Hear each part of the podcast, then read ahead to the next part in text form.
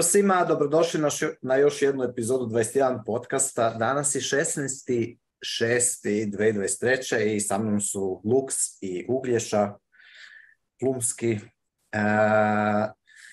da vidimo, malo smo propustili prošli tjedan e, snimiti nešto jer e, dio nas je bio u Pragu na konferenciji, a, i dosta se toga ono, izdešavalo, moramo opet početi redovito ovo snimati tako da, dobro, ajde idemo. Ovaj, šta ima novo, dečki? Vi preuzmite slobodno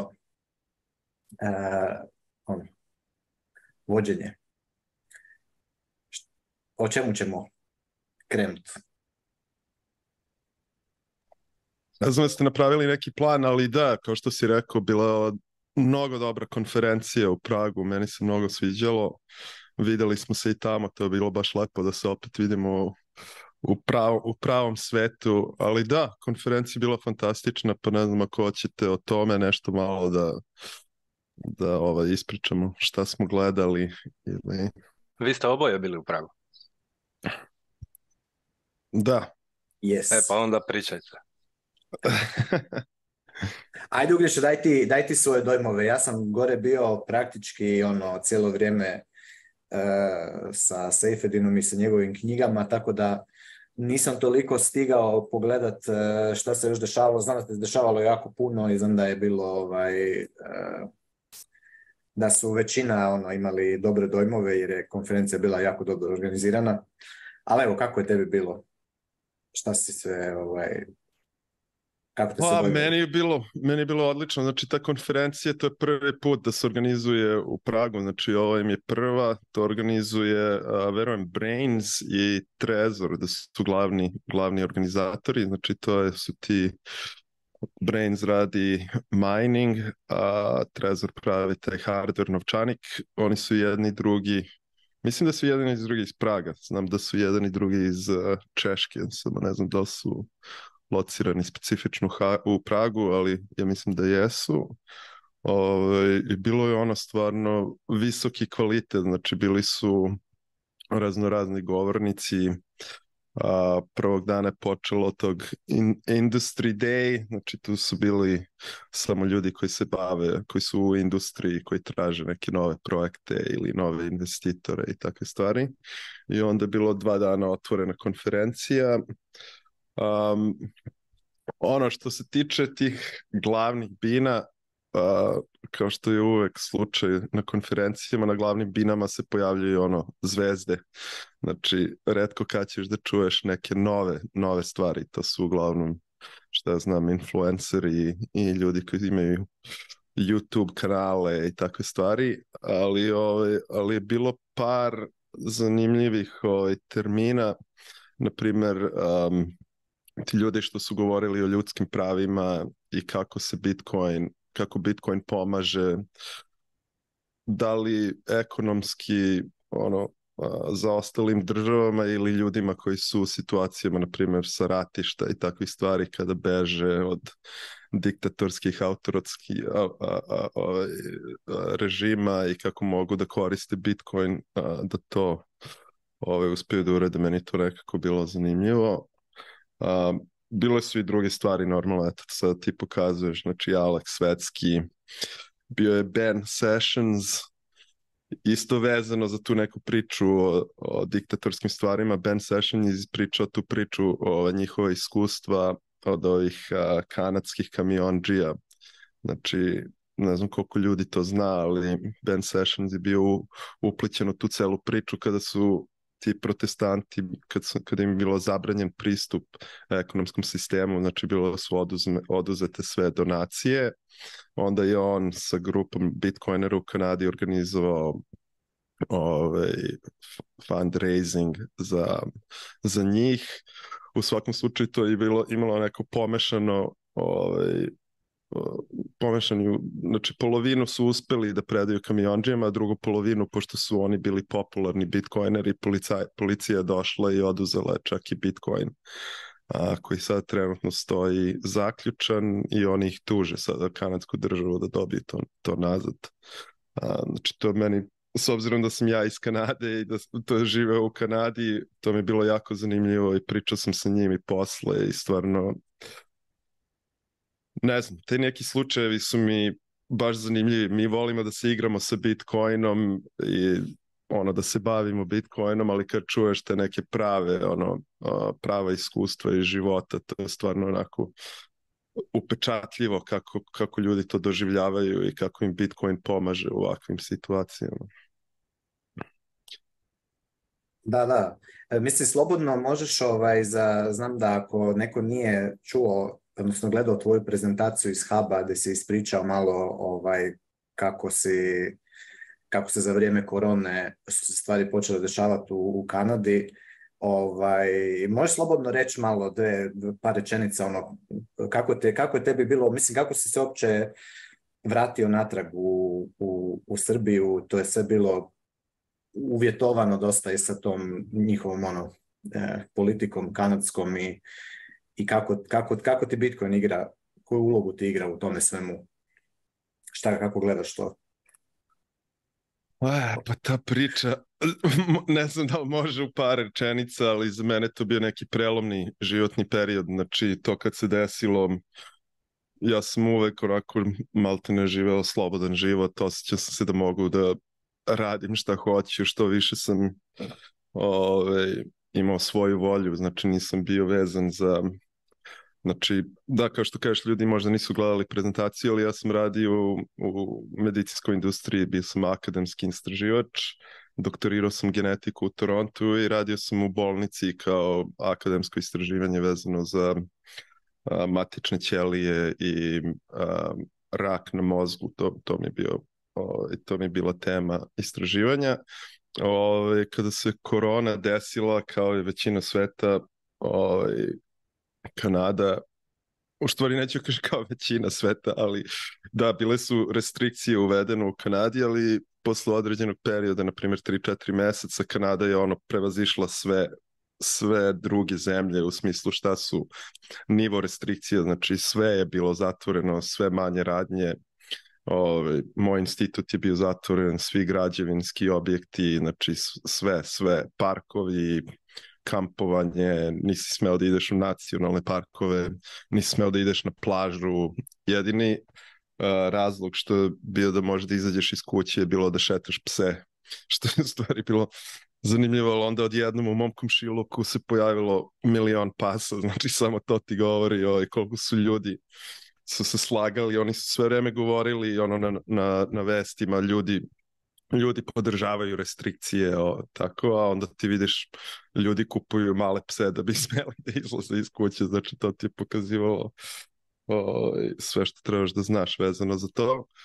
O, I da, to sam ispričao kada su najzad otvorili, znači ja sam imao zatvoren institut, to je trajalo jednu godinu dana, znači godinu dana niko nije smeo da ulazi u institut, što je isto u to vreme bilo bizarno zato što u vreme tih nekih epidemija instituti i medicinski istraživanje bi trebalo da budu usmerene da se što brže na, nađe neko rešenje i da što više tih naučnika budu umešano u istraživanja da može nešto do, dobro se desiti. Tako da sam odmah bio onako intrigiran kako ovo da zatvaraju medicinske institute za vreme epidemije. O, ovaj, a na kraju kad se otvorilo normalno onda su krenuli sa pričama o vakcinama. Ja nikad nisam hteo nisam im ni rekao da li sam vakcinisan ili nisam, jednostavno sam rekao da je to moja privatna stvar i ne želim da, da im kažem ovaj, status moj medicinski. I, ovaj, i eto, priču znati sami i onda posle toga je došao taj period da nemaš više dolaziš na posao, ja sam išao napred nazad sa njima, ono sa legalnim nekim pismima i razgovorima i na kraju su otpustili sve nas koji nismo htjeli, da im kažemo status i ovaj... I što se tiče što pi, kaže, kažeš kakav je period igrao Bitcoin u to vreme, pošto sam Bitcoin mi je bio zanimljiva stvar jako dugo, ja sam u stvari ovo mislio kao odlična stvar, kao ok, lepo, ja sad neću imati posao, tako da mogu svo vreme da posvetim Bitcoinu i da istražujem malo više i tako. Tako da mi je nekako olakšalo tu neku ovaj, taj ceo period, ali onda se desila stvar da trudo odlučio da ne možeš da ulaziš u brod, vozove, niti da pređeš američku granicu, što u suštini značilo da bi bio zarobljen u Kanadi da ne možeš da izlaziš ko zna kad, kad bi dozvolili mhm. to. I eto, ta stupa na scenu Srbija, meni je otac ovde i majka ovde, ovaj, i tako da sam odlučio, doduše umeđu vremenu se i brat koji mi žive u Hong Kongu, on se vratio isto u Beograd, pošto i Hong Kong isto bio katastrofa, i sestru sam nagovorio sa njenom porodicom, tako da su se i oni vratili, tako da smo svi najzad skupa zajedno posle dužeg vremena na istu mestu. To je isto lepa stvar. Ali da, ja to tako sam došao nazad u Srbiju i sad sam počeo tu, to što kaže vezano za Bitcoin, počeo sam da se bavim baštanstvom, radim na toj nekoj staroj porodičnoj kući, zamišljam budućnost kao da tu napravim neki citadel, ovaj, ono, sadim voće, povrće i tako i to je baš lepo, eto, to mi je ulepšalo neko taj cel period. Odlično, odlično. A daj sad samo malo da, da, da vratimo natrag na, na ovu, ovo što si spomenuo, ben, ben Perins, odnosno BTC Sessions. E, on je pričao na, na, na konferenciji u Pragu o, o tom e, protestu e, tih kamionđija truckers u, u Kanadi. Ovaj, Znači, koji je to bio opće kontekst? Zašto se to dogodilo? O čemu se radilo? Ja mogu samo reći da mhm. ono, ljudi mogu pogledati malo na Wikipediji. Neko ko nije to pratio ono, direktno, toga je bilo dosta na Twitteru. Mhm. znam da je isto tako bio ovaj Nick Bitcoin 100, on je bio doslovno prošle godine tu kod mene na Rabu mjesec dana. E, on je isto sudjelovao u tim u tom track, trackers support, jel, tu je snimao te videe kako su se oni e, ono, organizirali, e, pa mi isto pričao neke priče, ali daj ti Ugljiša malo ono... E, Čekaj, to nije taj dečko, taj... Jel to nije taj dečko Karibu? Jel to on? To je, on, se zove Nik, uh, e, ali on isto bio u tom, u toj grupi koja je ono... To je on. Čekaj, je li ovo Nick, ovaj sa bradom? Ovaj se bradom je nick, da. Pa da, za nije njegov sudonim nešto Karibu, ne znam šta. Karibu, da, da, da, on, on. aha, bio tu kod tebe, zanimljivo, pa eto. On je bio na radu, znači. da, mi je pričao kako je njemu, kako mu je policija ono, došla u, u pa da. stan i provalila, mislim ono, provalila, radili te nekakav onaj SWAT raid, šta ti ja znam. I ovaj, i ono, baš je bilo, bilo je to intenzivan period, ali da, ali daj reci onako koji je kontekst, mislim zašto se zašto se opće ono, zašto e, ako smijem, a oprosti, ako smijem, je, Pavo, jel vi još snimate one Orange Pillars? Ti... Pa to smo stali malo, mislim trebali bi nastaviti u principu ono, e, sad je to pitanje ono, organizacije bolje i tako, ali da, snimili smo par epizoda ono Orange Pillars, e, ali evo, vidit ćemo, trebalo bi se uhvatiti ponovno malo da, da, da refreshamo sadržaj. Ali ono, koga zanima, možete pogledati na, na njegovom kanalu. malo smo pričali o tim, o, o generalno, o, o Bitcoinu i Orange Peelingu, ali ali o tom potom, dajmo još malo samo se zadržati još na toj, na toj e, Bitcoin i Freedom i općenito kako su, e, kako su ti kanadski trackeri kako je, kako je Bitcoin ono, neki način bio alat za, za kao, ajmo reći, borbu za slobodu um, u toj cijeloj hmm. situaciji. Šta bi mogli još na tu temu? Ok, pa evo mogu, mogu malo da vam dam pozadinu i znači kad su se te restrikcije dešavale u Kanadi, širom Kanade su bili nedeljni protesti, ono, bukvalno svakog svake subote ili svake nedelje su u svim gradovima širom Kanade su se ljudi sastajali, čak i za vreme tih restrikcija. To je bilo u stvari druga zanimljiva stvar, ovaj, da za vreme tih restrikcija su ti protesti se dešavali i nijedan od tih protesta nije bio ono sprečen. Znači, to vam govori tačno onoliko koliko treba da znate da ovi zakoni o tome da nasmiju ljudi da stoje napolju sa više od dvoje, troje oni to uopšte nisu sprovodili te zakone zato što su zaista bili nezakoniti. Ove, ali to je trajalo pa od 2020. tako što ja znam maja meseca sledećih godinu i po dana ali ovaj, bukvalno niko to nije prikazivao, s vremena na vreme bi bilo jedno 10.000 ljudi na tim protestima, na primjer u Torontu, ali na vestima se nikad to nije prikazivalo, jedini protesti koje su u tom celom periodu prikazivali su bili kad se dešavalo ono BLM, to je bilo preko leta, i za vreme njihovih protesta su prikazivali kako su oni jako hrabri i jako za vreme tih najvećih restrikcija su govorili ne smiješ da kod babe na ručak, ovi ljudi su imali po 20-30 hiljada ljudi u centru Toronto, tako da to je isto bila neka zanimljiva stvar, ali taj period malte ne većina kanadjana me polako onako prekipelo sve to i ovaj, mišljenje su polako počelo da se menjaju. Ovaj, ali onda je trudo, kao što sam rekao, to tako kad sam ja došao u Srbiju, uveo to za vakcinacije, za avione i za brodove i, i vozove. I ovaj, onda je kamionđijama uveo zahtev da, da bi prelazili američku granicu moraju da budu vakcinisani. Znači, ne smeš a kao što znamo većina materijala i većina kamionđija prelazi američku granicu pošto je to glavni ono tržni, tržna ruta i tako su ti kamionđije počele taj neki ovaj, da se organizuju i da kažu da ću da krenu da prave turneju sa zapade Kanade, znači ja mislim su krenuli iz da li iz Viktorije ili Vancouvera, možda čak i severna Britanska Kolumbija, nisam siguran, ali to je u svakom slučaju ono oko 5000 km daleko od Toronta, oko 4, 4500 km.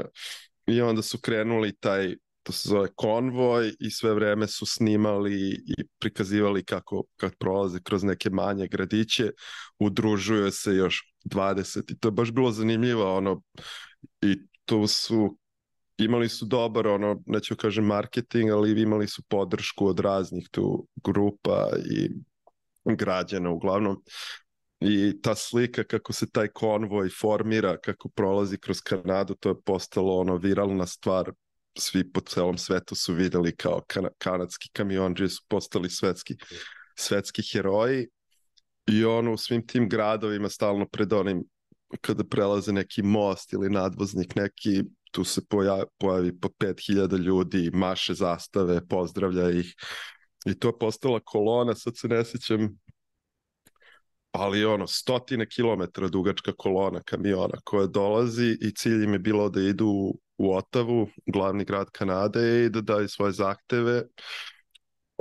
Kanadska država je to prikazivala kao da oni se bore protiv vakcine, ali oni su u stvari zahtevali mnogo više nego samo to. Oni su zahtevali, ja mislim su čak i rekli da će Justin, prvo su zahtevali da se sretnu sa državom, da se sretnu sa premijerom, da daju svoje zahteve, da imaju razgovor sa njima, to im je bio, ali kako je to trajalo i trajalo, zahtevi su postali sve jači i jači. Ja mislim da su na kraju čak tražili oduzimanje svih restrikcija, znači da ništa ne postoji, a čak i mislim da su tražili da Justin Trudeau se smakne ono sa, sa svoje, svoje pozicije.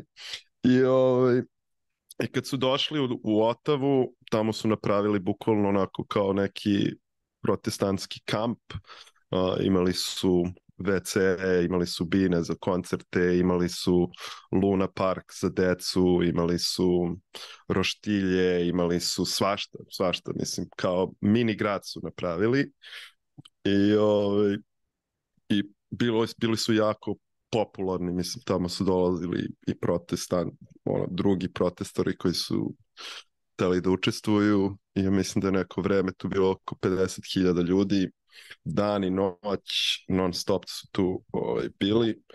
Sve mirno, jel? Nije bilo nekakvih eh, da. Potpuno mirno, znači nikakvih, oni su čak i čistili za sobom, onda su davali hranu beskućnicima u komšiluku, onda pošto u to isto vreme se dešavalo, nastavlja ono rušenje rušenje spomenika i takvih stvari od strane drugih političkih ovaj, eh, grupa, onda su oni išli čistili spomenike, prali spomenike, kao što sam rekao, za decu su imali neke kao, znaš, one zamkove što se naduju, pa onda deca skakuću i tako bilo bukvalno pravi ono što bi zamislio kako kanadjani protestuju, znači ono, samo su igrali i pevali i pravili roštilje i pili ove, ovaj, viski i bilo je onako baš i to se dešavalo u februaru kada je u um, vremenima bilo onom minus 30 stepeni, što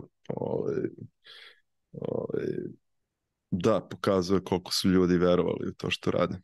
E sad, vezano za Bitcoin i uh, fundraising koji su radili, oni su prvo uradili fundraising kroz uh, GoFundMe, znači to je taj a, taj website gde može svako da organizuje ovaj, fundraising i ovaj, oni su sakupili 10 miliona dolara, I, ovaj, I pošto je Justin Trudeau polako ludovo zbog svega ovog što se dešava, kanadska država je onda podnela zahtev. Prvo su hteli da ih označe kao teroriste zato što su ovaj, zato što su opseli ovaj glavni grad Kanade i to su htjeli kažu da je to teroristički akt, ali na osnovu toga nisu to uspeli da urade, ali su uspeli da nagovore taj GoFundMe da oni predaju sve pare i da zaplene te pare, znači da ne daju ovim organizatorima pare. I, ovaj, i to su uspeli da urade, GoFundMe je to uzeo. neko vrijeme se pričalo da će oni te pare ne samo da zaplene, nego da doniraju za neke ovaj, e, e, za neke dobre svrhe koje oni smatraju da su vredne. znači, ne samo su oduzeli pare, nego su ljudima koji su oduzeli pare teli da, daju njihove pare nekim drugim, u neke druge svrhe, što je bila komedija. Ali na kraju se predomislili i te pare samo vratili nazad ovaj, donatorima koji su predali.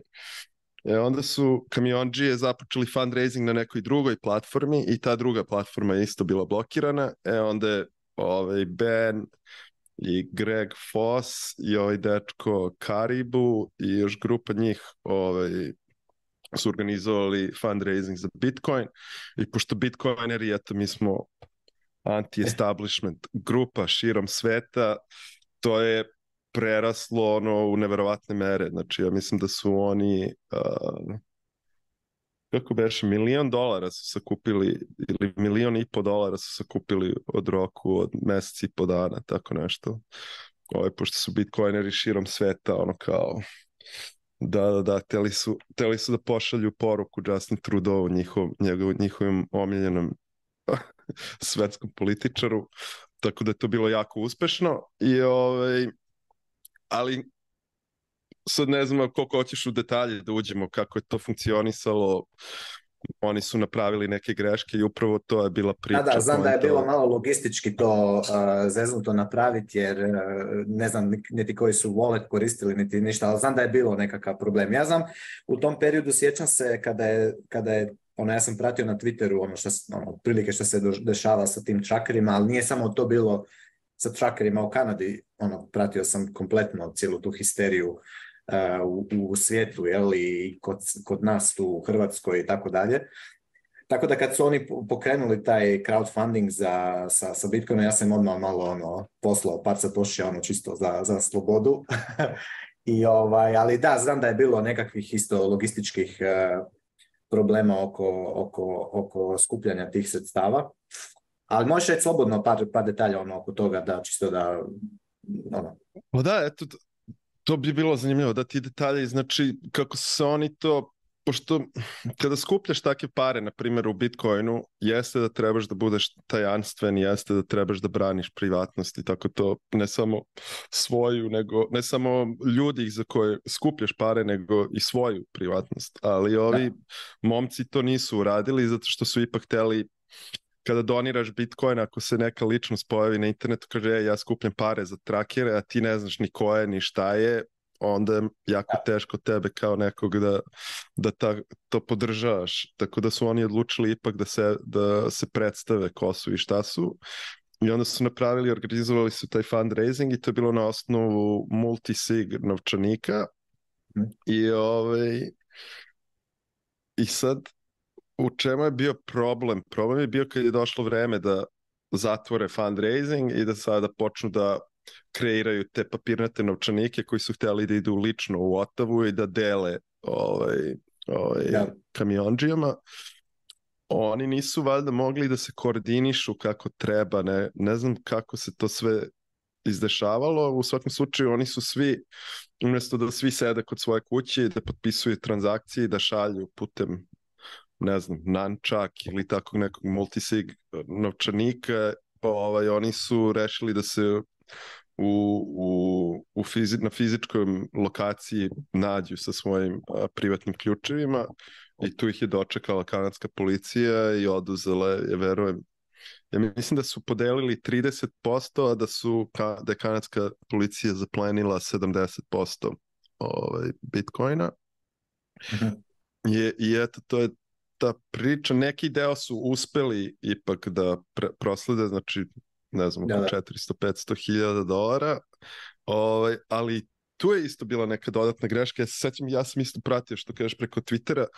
Taj Karibu je snimao sebe ovaj, kako daje te novčanike da. kamionđima i kako priča sa njima ja se sećam u to vreme meni bilo čudno kako šta radi ovaj čovjek on nije normalan, mislim bukvalno identifikuje sve kamionđije kako im predaje Bitcoin.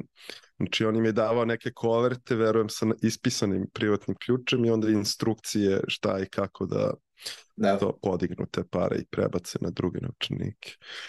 I eto, to je bio...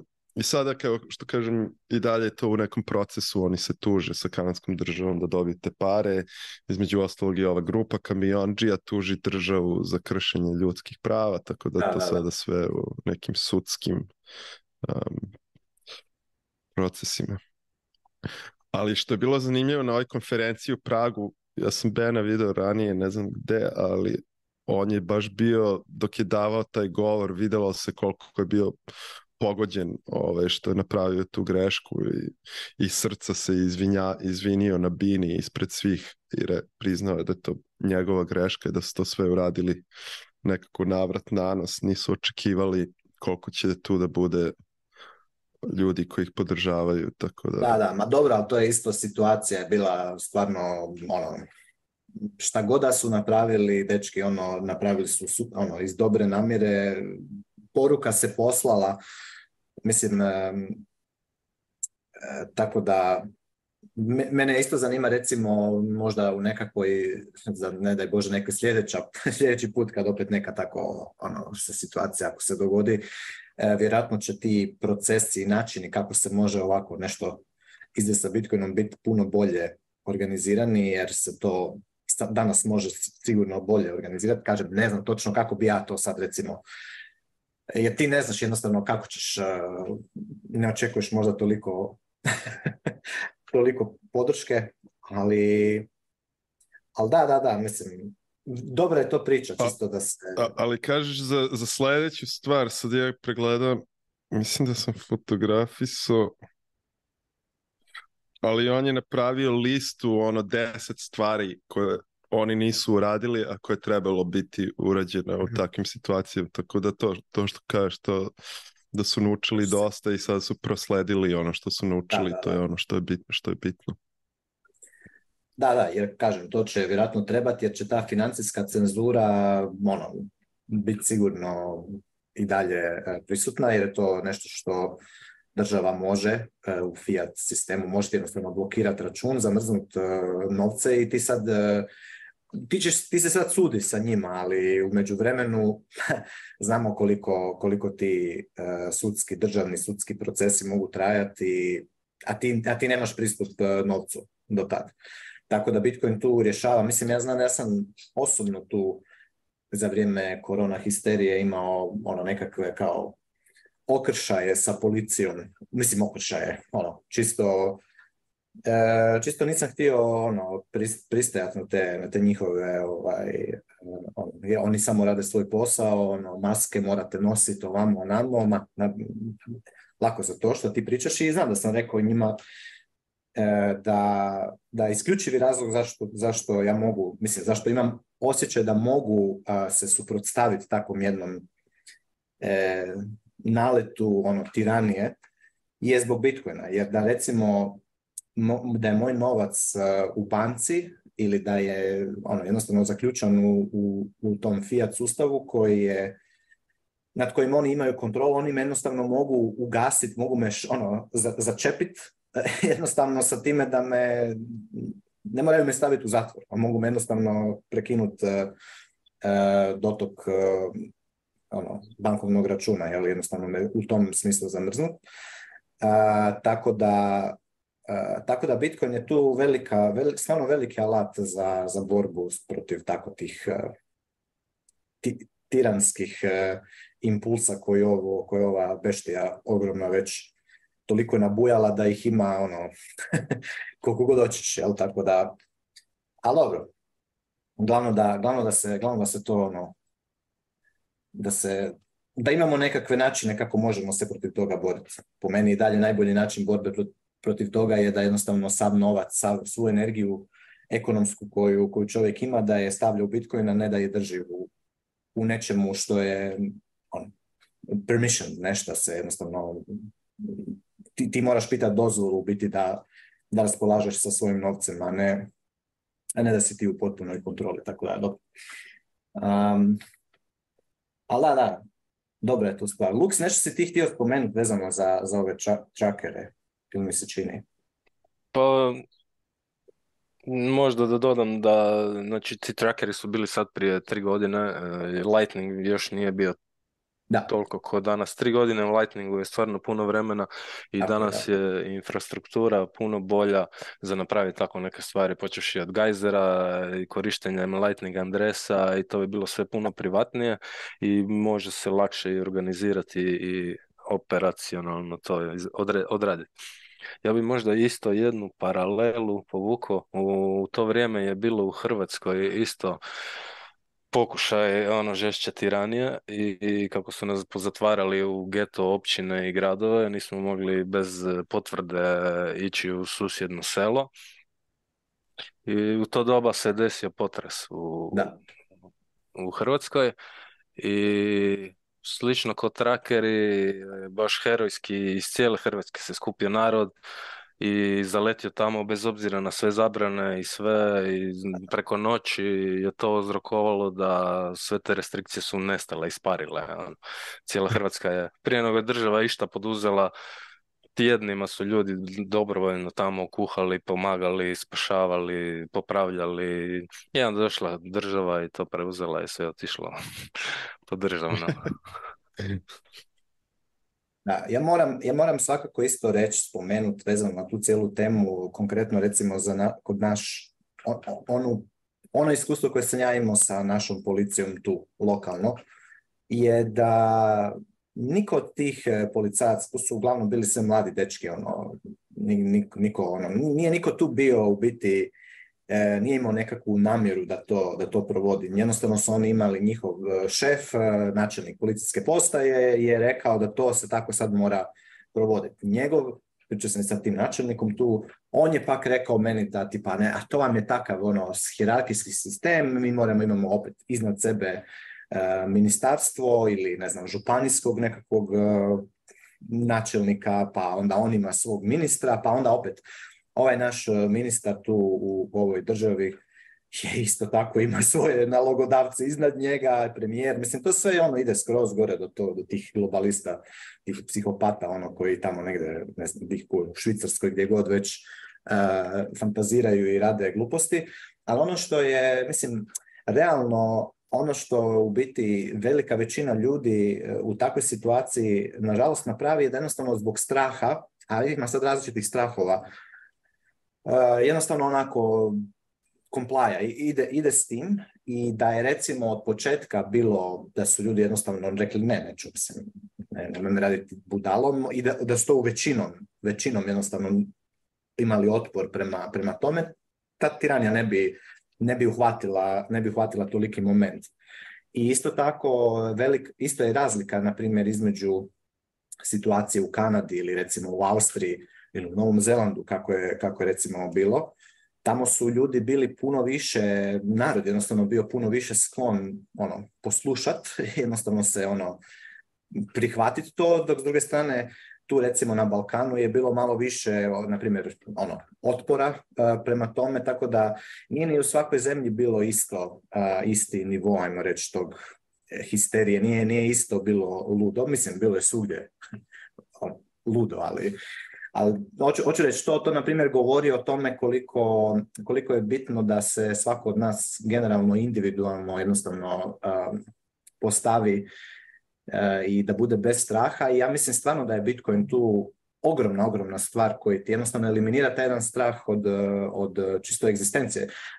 Masu ljudi je, masu ljudi jednostavno prihvaćalo ta, te, te, ta ludila koje su se, su im se nametala isključivo i samo zato što nisu htjeli izgubiti e, svoj posao ili primanje, jednostavno su egzistencijalno bili ono ugroženi, iako su znali, ja znam, pričao sa recimo na, ono, učiteljima u školi e, i tako, koji su ono naprosto nisu se slagali sa time, ali ono, šta ću sad ono, ako ostanem bez posla, šta ću onda, kako ću imam neki kredit ili šta već, i tu Bitcoin je stvarno velika stvar za, za ono, koja, ti može ono dati dat sigurnost da te ne može niko ucjenjivati, jel?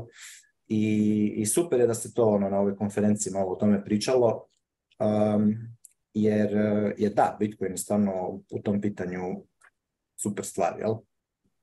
Ali hoću ja dodati... Reci.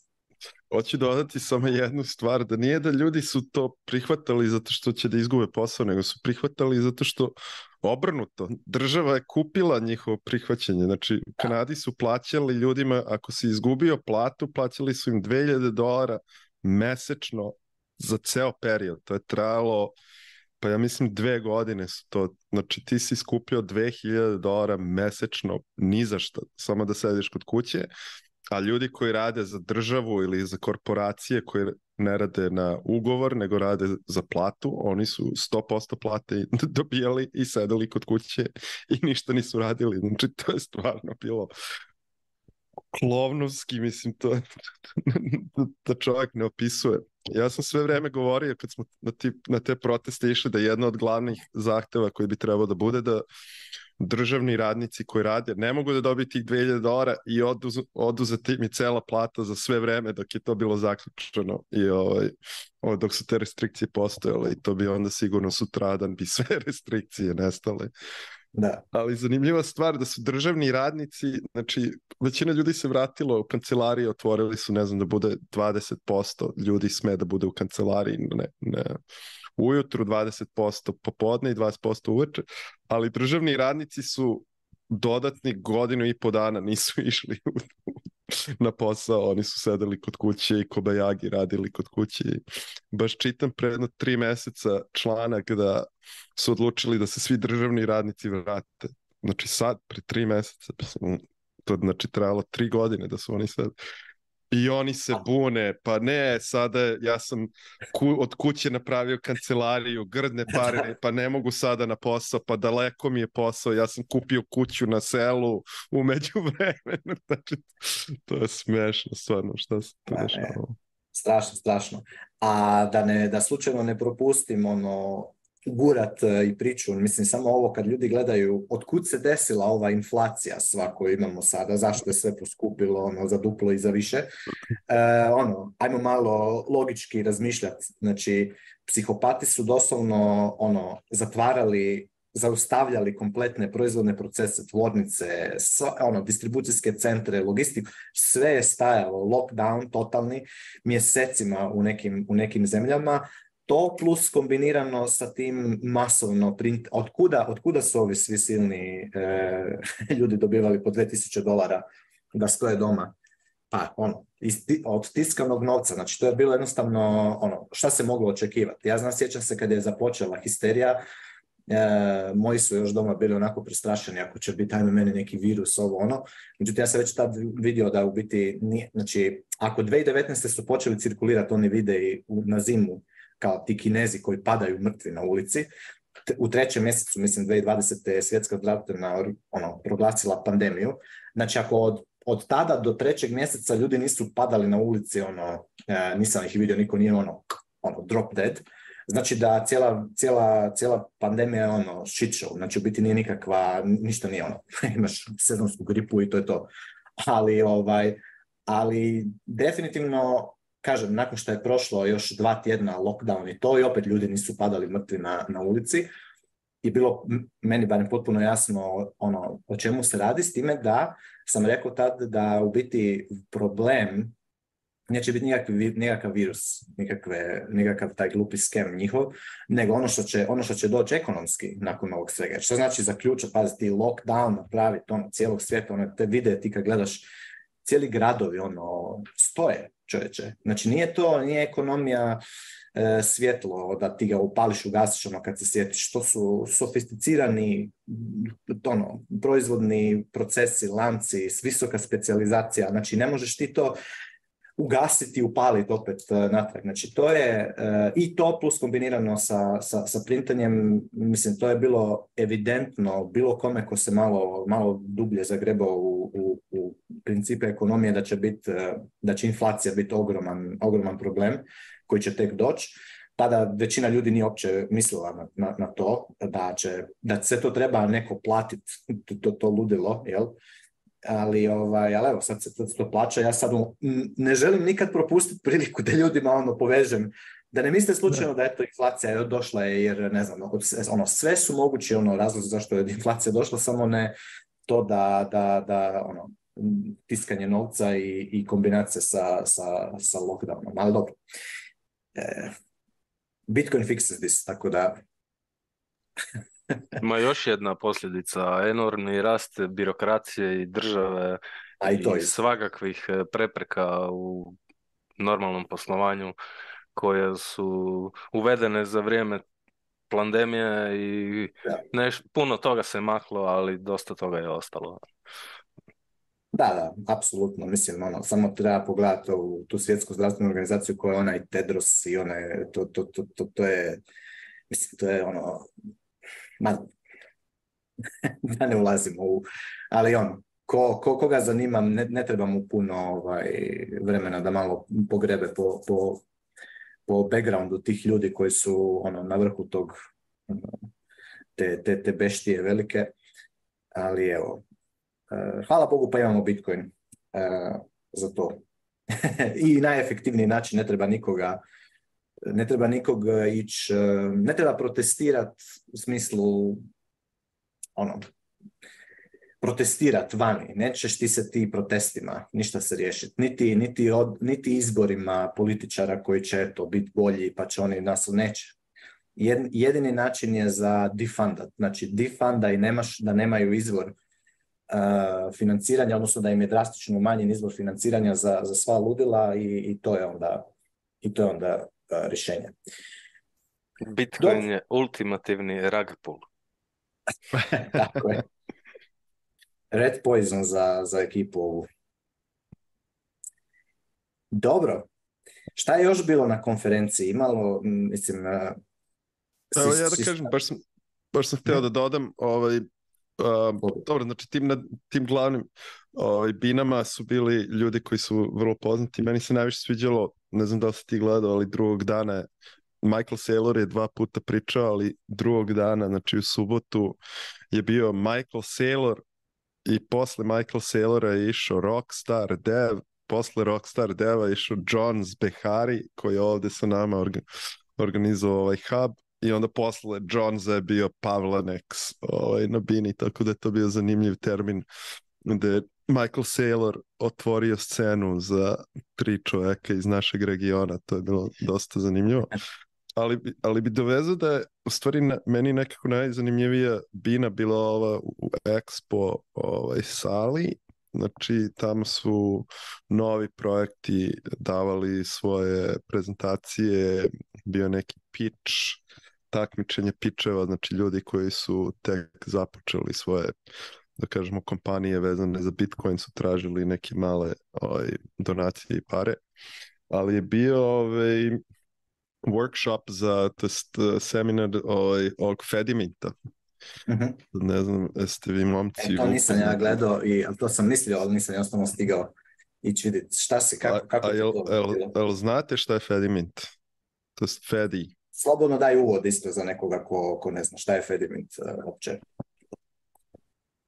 Pa znači, ja isto imam malo slabo razumevanje, ali Fedimint je ujavio se na scenu pre jedno šest mjeseci i oni u, u principu oni njihov, njihova vizija je da ljudi koji nisu ovaj, šta je znam, nemaju svoj nod ili nisu upoznati sa Bitcoinom dovoljno tehnički, mogu da se udruže sa ljudima u svom to može bude ili u fizičkoj lokaciji, na primjer u selu ili u gradiću ili među grupe prijatelja i da naprave federacije vezane na, na Bitcoin, da u smislu ljudi koje ti poznaješ budu tvoj custodials, znači tvoja banka, Bitcoin banka, znači da ne bude kao što sada imamo custodial novčanike, da to ne bude tamo neka firma, ne znam gde, koja može stalno da ti uzme sve sad tvoj Bitcoin, nego ovo da napraviš federaciju sa ljudima koje poznaješ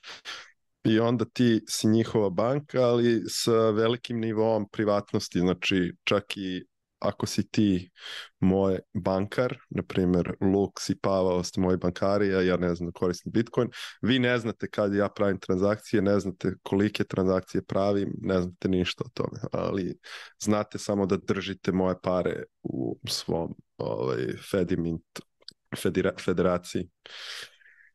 Tako da je dosta zanimljiv, zanimljiv koncept i dalje ne znamo tačno kako će biti korišćen, ali meni je ovo bila prilika da vidim u stvari kako će to moći bude korišćeno. Znači, za vreme konferencije ovo je bio prvi put da su oni izdali svoju, svoj, svoju aplikaciju, to se zove taj Fedi Alpha i oni su na konferenciji napravili federaciju i onda ti kao Bitcoiner si mogu da se udružiš, da napraviš depozit sa Lightningom i onda koristiš unutar federacije to više nije Bitcoin, ali jeste Bitcoin, ali to se zove e-cash i onda putem tog e-casha unutar federacije se prave transakcije za bukvalno besplatno, nula.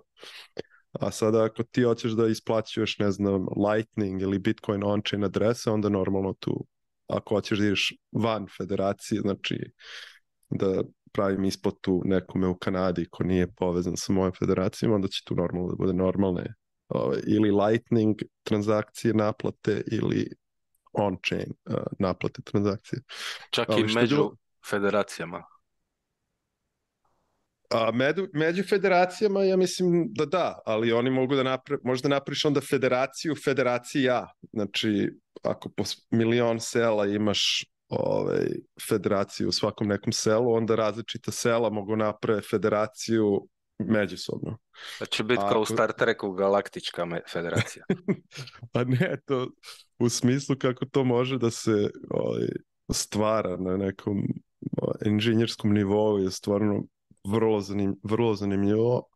Koliko će to biti uspešno, ne znam. Ali da, što kažeš, to je u stvari plan na kraju da međusobno gradovi mogu da trguju ili Bitcoin društva, ne znam, iz Beograda koji imaju svoju federaciju može da pravi, da se organizuje sa Bitcoin društvima, ne znam, u Austriji, u Nemačkoj, u Hrvatskoj. Ja se izvinjavam, mi imamo dostavu vode i ja moram da pustim. Vraćam se za minut, stvarno izvinite. Slobodno, slobodno. Luks, možeš ti ovaj, još dalje objasniti eh, malo Fedimint šta je još, eh, kako to bi trebalo funkcionirati, što su federacije, kako, čemu to služi? Eh, znači, federacija je u biti server koji vam, koji je poslužitelj korisnicima. Korisnik će jednostavno imati aplikaciju na kojoj će biti šalji, primi i saldo i za slanje i primanje drugim aplikacijama Fediminta će biti besplatno. Biće operabilnost sa Lightningom, znači možeš platiti bilo koji Lightning račun i oni mogu platiti tebi, tu će biti normalni Lightning troškovi. I to je ukratko to korisnika kojeg ne zanima ispod haube šta se dešava, ne mora ništa znati.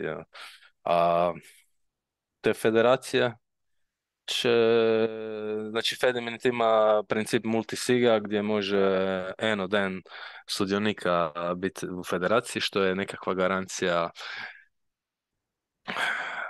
decentralizacije u centralizaciji i uz to još će vjerojatno postojati konkurencija među različitim federacijama i iskreno nisam duboko ulazio u, detalje sad kakve su njihove mogućnosti točno, šta oni sve mogu napraviti, vidjeti. Koliko ja znam, oni imaju samo uvid u koliko se njihovih tokena generira, koliko je, depozit, koliko je deponirano bitcoina, ali nemaju uvid u to šta rade njihovi korisnici, kakva su njihova stanja. Tako je, postoji tako je, koliko ja znam, tako je, da, postoji koliko ja znam nekakav rizik rag, rag pula ako se dovoljan broj članova federacije u roci. I koliko ja znam, to je jedini rizik. Sad može Ugi nastaviti ako želi. Ja ću isto morat sada na trenutak, moram skočiti do pošte nešto. ali u 12. Izvinite, ja nisam čuo tačno šta je Luke spominjao, ali to sam uvatio na kraju. Da, to jeste rizik da federacija može da te rag puluje, ali za razliku od, od sada, na primjer, ako ti oduzme Bitcoin neki lightning novčanik, ti tu barem poznaješ čoveka lično i možeš da da ga posjetiš i da mu postaviš određena pitanja ako se tako nešto desi. Znači to je neki... Ali kao federacije to je ipak multisig, znači može se napravi bilo koja kombinacija i to valjda sprečava na neki način. Um, znači mi kao Bitcoin organizacija kad bi napravili multisig možemo da napravimo na primjer Paveo, Lux, ne znam, neku u Crnoj Gori i Pavlenex i da bi bio rag po tri od vas četiri bi trebalo da učestvujete ili kako god ste organizovali, tako da... I da, jedna moćna, moćna stvar je isto da ti možeš biti sam svoja federacija, znači možeš anonimizirati sam svoje satošije i plaćati s tim normalno. I isto to se može sa cashivom, ne? Slična, da, da. slična stvar. Čekaj, to cashu? Ne, to je i cash u, u Fedimintu, a cashew je ne, nešto drugo. Da, to su dva slična projekta, slični protokoli, razliku su samo u tome da je Fedimint e, multisig i cash je single sig, koliko ja znam. Zanimljivo. Znači, Ali mi je, znači, rec, rec. Izvini, izvini. Ma ne, e, Htio sam samo reći da mi je drago da konačno vidim Fediment u nekom operativnom izdanju, da nije samo na e, da, to... E. Znači, ne znam koliko ljudi znaju, ali oni su uspjeli od Venture, Venture Capital, da oni sada su ja mislim 12 miliona dolara dobili za taj projekat, a evo već šest mjeseci pričamo o njima i ovo je prvi put da vidimo neki neki produkt. Što jeste zanimljivo je ovaj, da oni nisu samo kao federacije kao Lightning novčanik, nego oni u stvari će da se vode kao operativni sistem. Znači oni unutar te aplikacije imaju mogućnost za slanje enkriptovanih poruka, ti možeš da šalješ te e-cash međusobno unutar federacije kroz samu tu messaging ovaj, platformu. Onda dodatno imaju brauzere, znači sada lupam ako praviš federacije unutar ili nekog grada ili nekog Bitcoin društva, unutar aplikacije ljudi mogu da postavljaju svoje, šta znam, reklame ili svoje servise koje nude ili tako je bukvalno možeš da napraviš ako si u nekom regionu možda napraviš mapu unutar aplikacije i da pokazuje gde možeš da ideš da ručaš, gde možda ideš da se ošišaš, gde da znaš, da uzmeš majstore za neke servise kod kuće, tako da je dosta zanimljivo. Ja nisam, ja sam smatrao da će to samo bude kao neki novčanik i da je to to i da ćeš da plaćaš male troškove kad šalješ transakcije, ali izgleda da oni imaju mnogo, mnogo veće planove. Sorry, operativni sistem, kako ga zovu.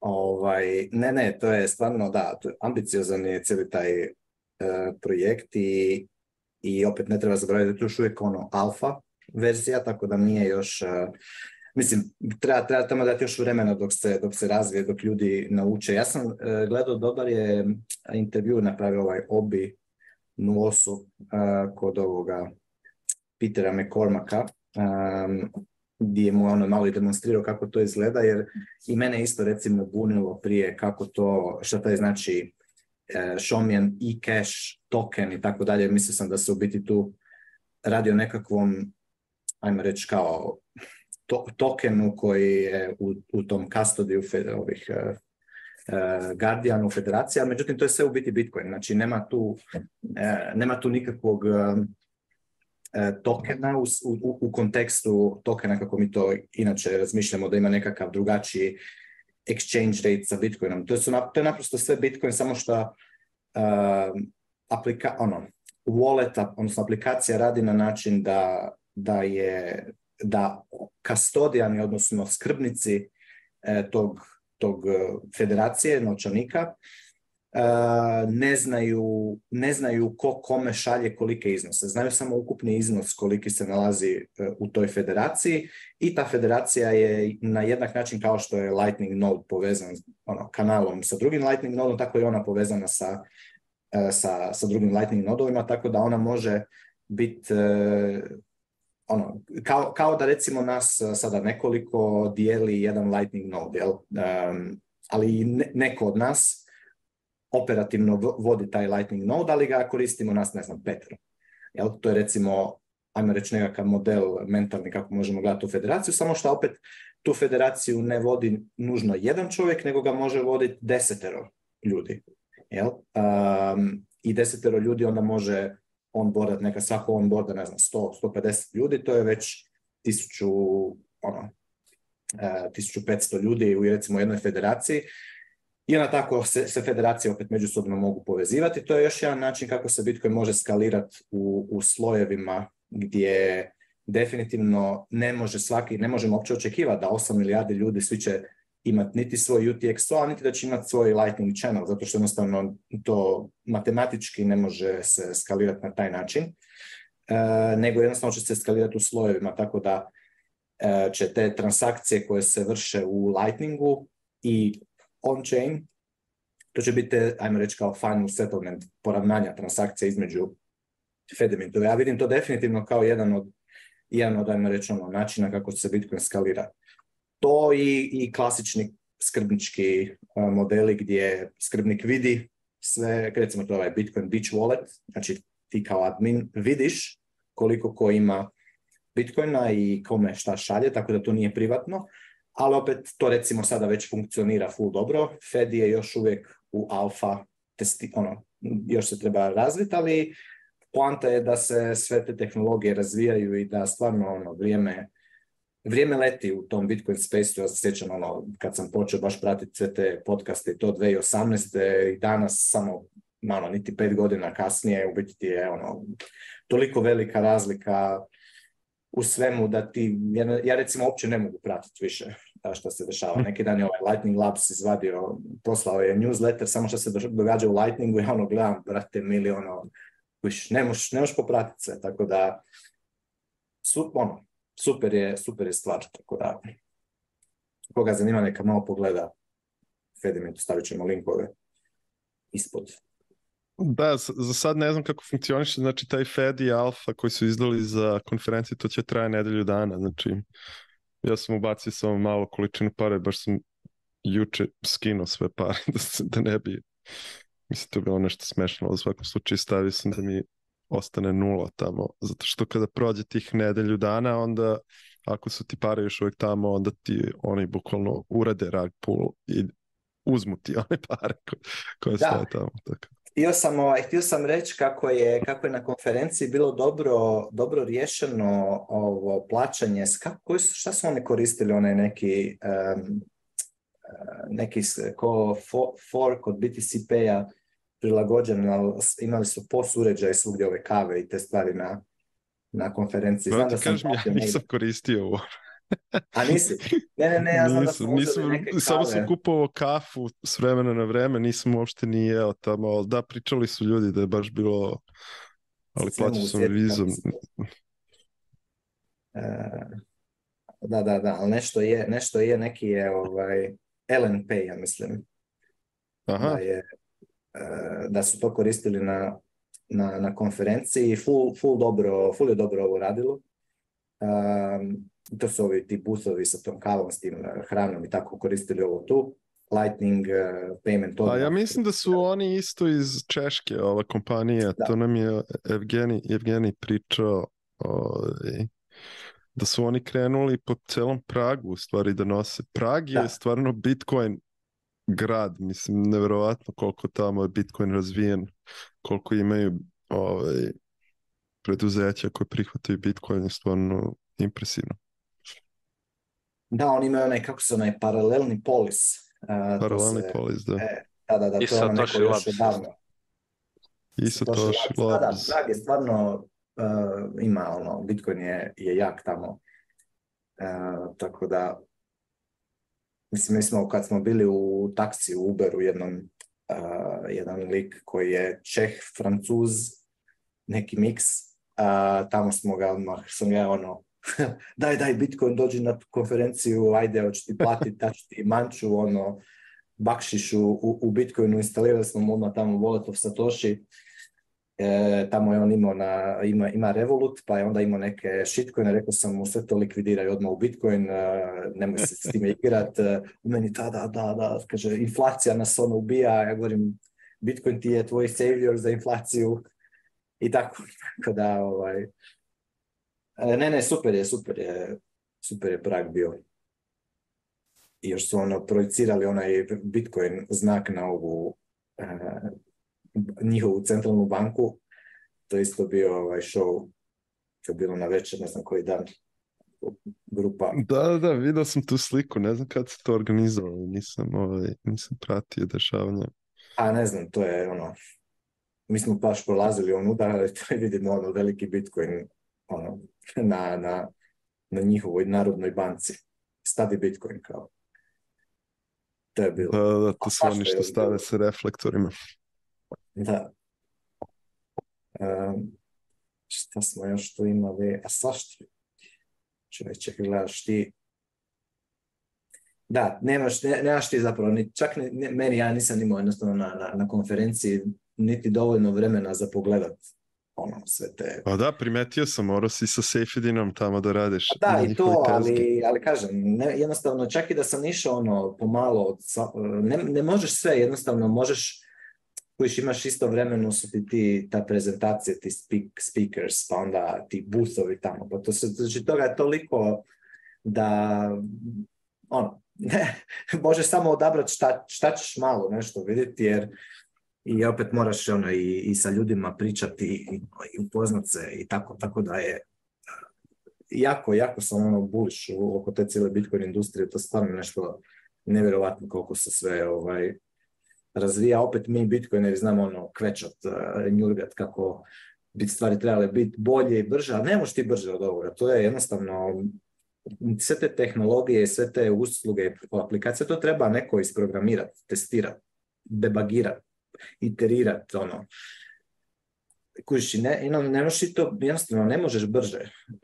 ono, I još ovaj bear market sad je zapravo super prilika da se malo je onako mirnije, ono, ne dolazi toliko njubija ono, u cijeli space, pa imaš još vremena malo za, za neke stvari riješiti, ali neće to dugo. Još manje od godinu dana do halvinga i onda opet ćemo, opet roller coaster gore, tako da super je to.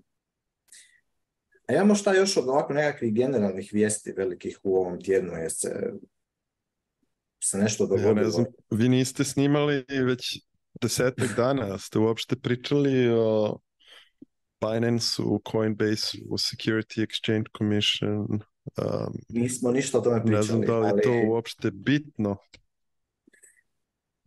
A čuo je bitno, ono, mislim, Šta ti misliš, jel, kako, kako je to, da li to utječe na Bitcoin? Mislim, Bitcoin, koliko ja vidim, ne, ne, ne, ne afektira to puno, niti cijenu puno, niti, mislim, cijena je onako, ja mislim da je više, više trenutno utječe ovaj, ono što je bilo sa tim e, američkim debt ceiling i sa tom izdavanjem američkih obveznica državnih E, koje su ono povlače likvidnost sa, sa, sa zapadnih financijskih tržišta, da se onda malo manje u Bitcoin Uh, ulaže sada, pa je zato ovaj mali ono, bio je oko 31, 32 tisuća dolara, sad je oko 25, 26. Znači opet se Bitcoin vratio na, na, na 200 week moving average. S druge strane, Kina i dalje pumpa likvidnost, tako da ja mislim da će se to brzo ono, opet vratiti nazad na upside ali, ovaj, ali ovo što se tiče Coinbase-a i što se tiče Binance-a, mislim, a ne znam, ja mislim da i Binance i Coinbase imaju dovoljno velike ono, kofere eh, keša da se mogu uh, ono, boriti i brajbat eh, političare koje, koje trebaju i da će kroz te pravne procese to ono, uh, otezati, natezati. E, mislim, moje osobno mišljenje je da, e, da, da, da, sve te kriptovalute, svi ti projekti, Ethereum i tako dalje, da to jesu securities, znači to jesu to jesu vrijednosni papiri u smislu da tu postoji nekakva grupa ljudi koja nešto mora raditi, odraditi i koja u, principu upravlja kao, kao kompaniju. Mislim, Ethereum je ono, kao velika kompanija centralizirana i nije to ništa, to je sve samo show za, za ekipu da se tu radi o nekakvoj decentralizaciji, nema tu censorship resistance, ne možeš ti, mislim, tim... to se zna, ako ćeš ti napraviti stvarno pritisak na, na Ethereum Foundation, na te nekoliko tih venture capital fondova koji, koji imaju većinu ekonomske moći u, u Ethereumu, ti možeš tamo i promijeniti monetary issuance i možeš promijeniti, ono, cenzurirati transakcije, tako da to je samo show. Ista stvar sa Binance-om i još kad biš dolje. Tako da to jesu u principu nekakvi ono digital securities, a, ali ja sam s druge strane protiv države kao koncepta općenito. Nema šta niko ko je, mislim taj cijeli Securities Exchange Commission, SEC, ne znam, CFTC, sve su to agencije koje se financiraju iz poreznog novca koji je oduzet protiv slobodne volje ljudima. Prema tome to šta god da oni rade, rade loše, rade krivo. Znači jedino, jedino što se ja zalažem je da se to ukine, da se ukine SEC, da se ukine da se ukine država kao takva i da ti ljudi koji rade u, državnim institucijama da počnu raditi na slobodnom tržištu i da zarade svoju plaću, svoj novac eh, na, na slobodnom tržištu, ne kroz violence i coercion. Uh, ali to isto tako ne znači da, tu nema puno skemova, ne? znači u, tim digital securities. Znači ako ti nećeš, ako recimo ovi i dalje u tom Ethereum Foundation i dalje recimo oni ne, pokazuju, uh, ne, žele disclosat ko, ko je točno shareholder zapravo kao u kompaniji.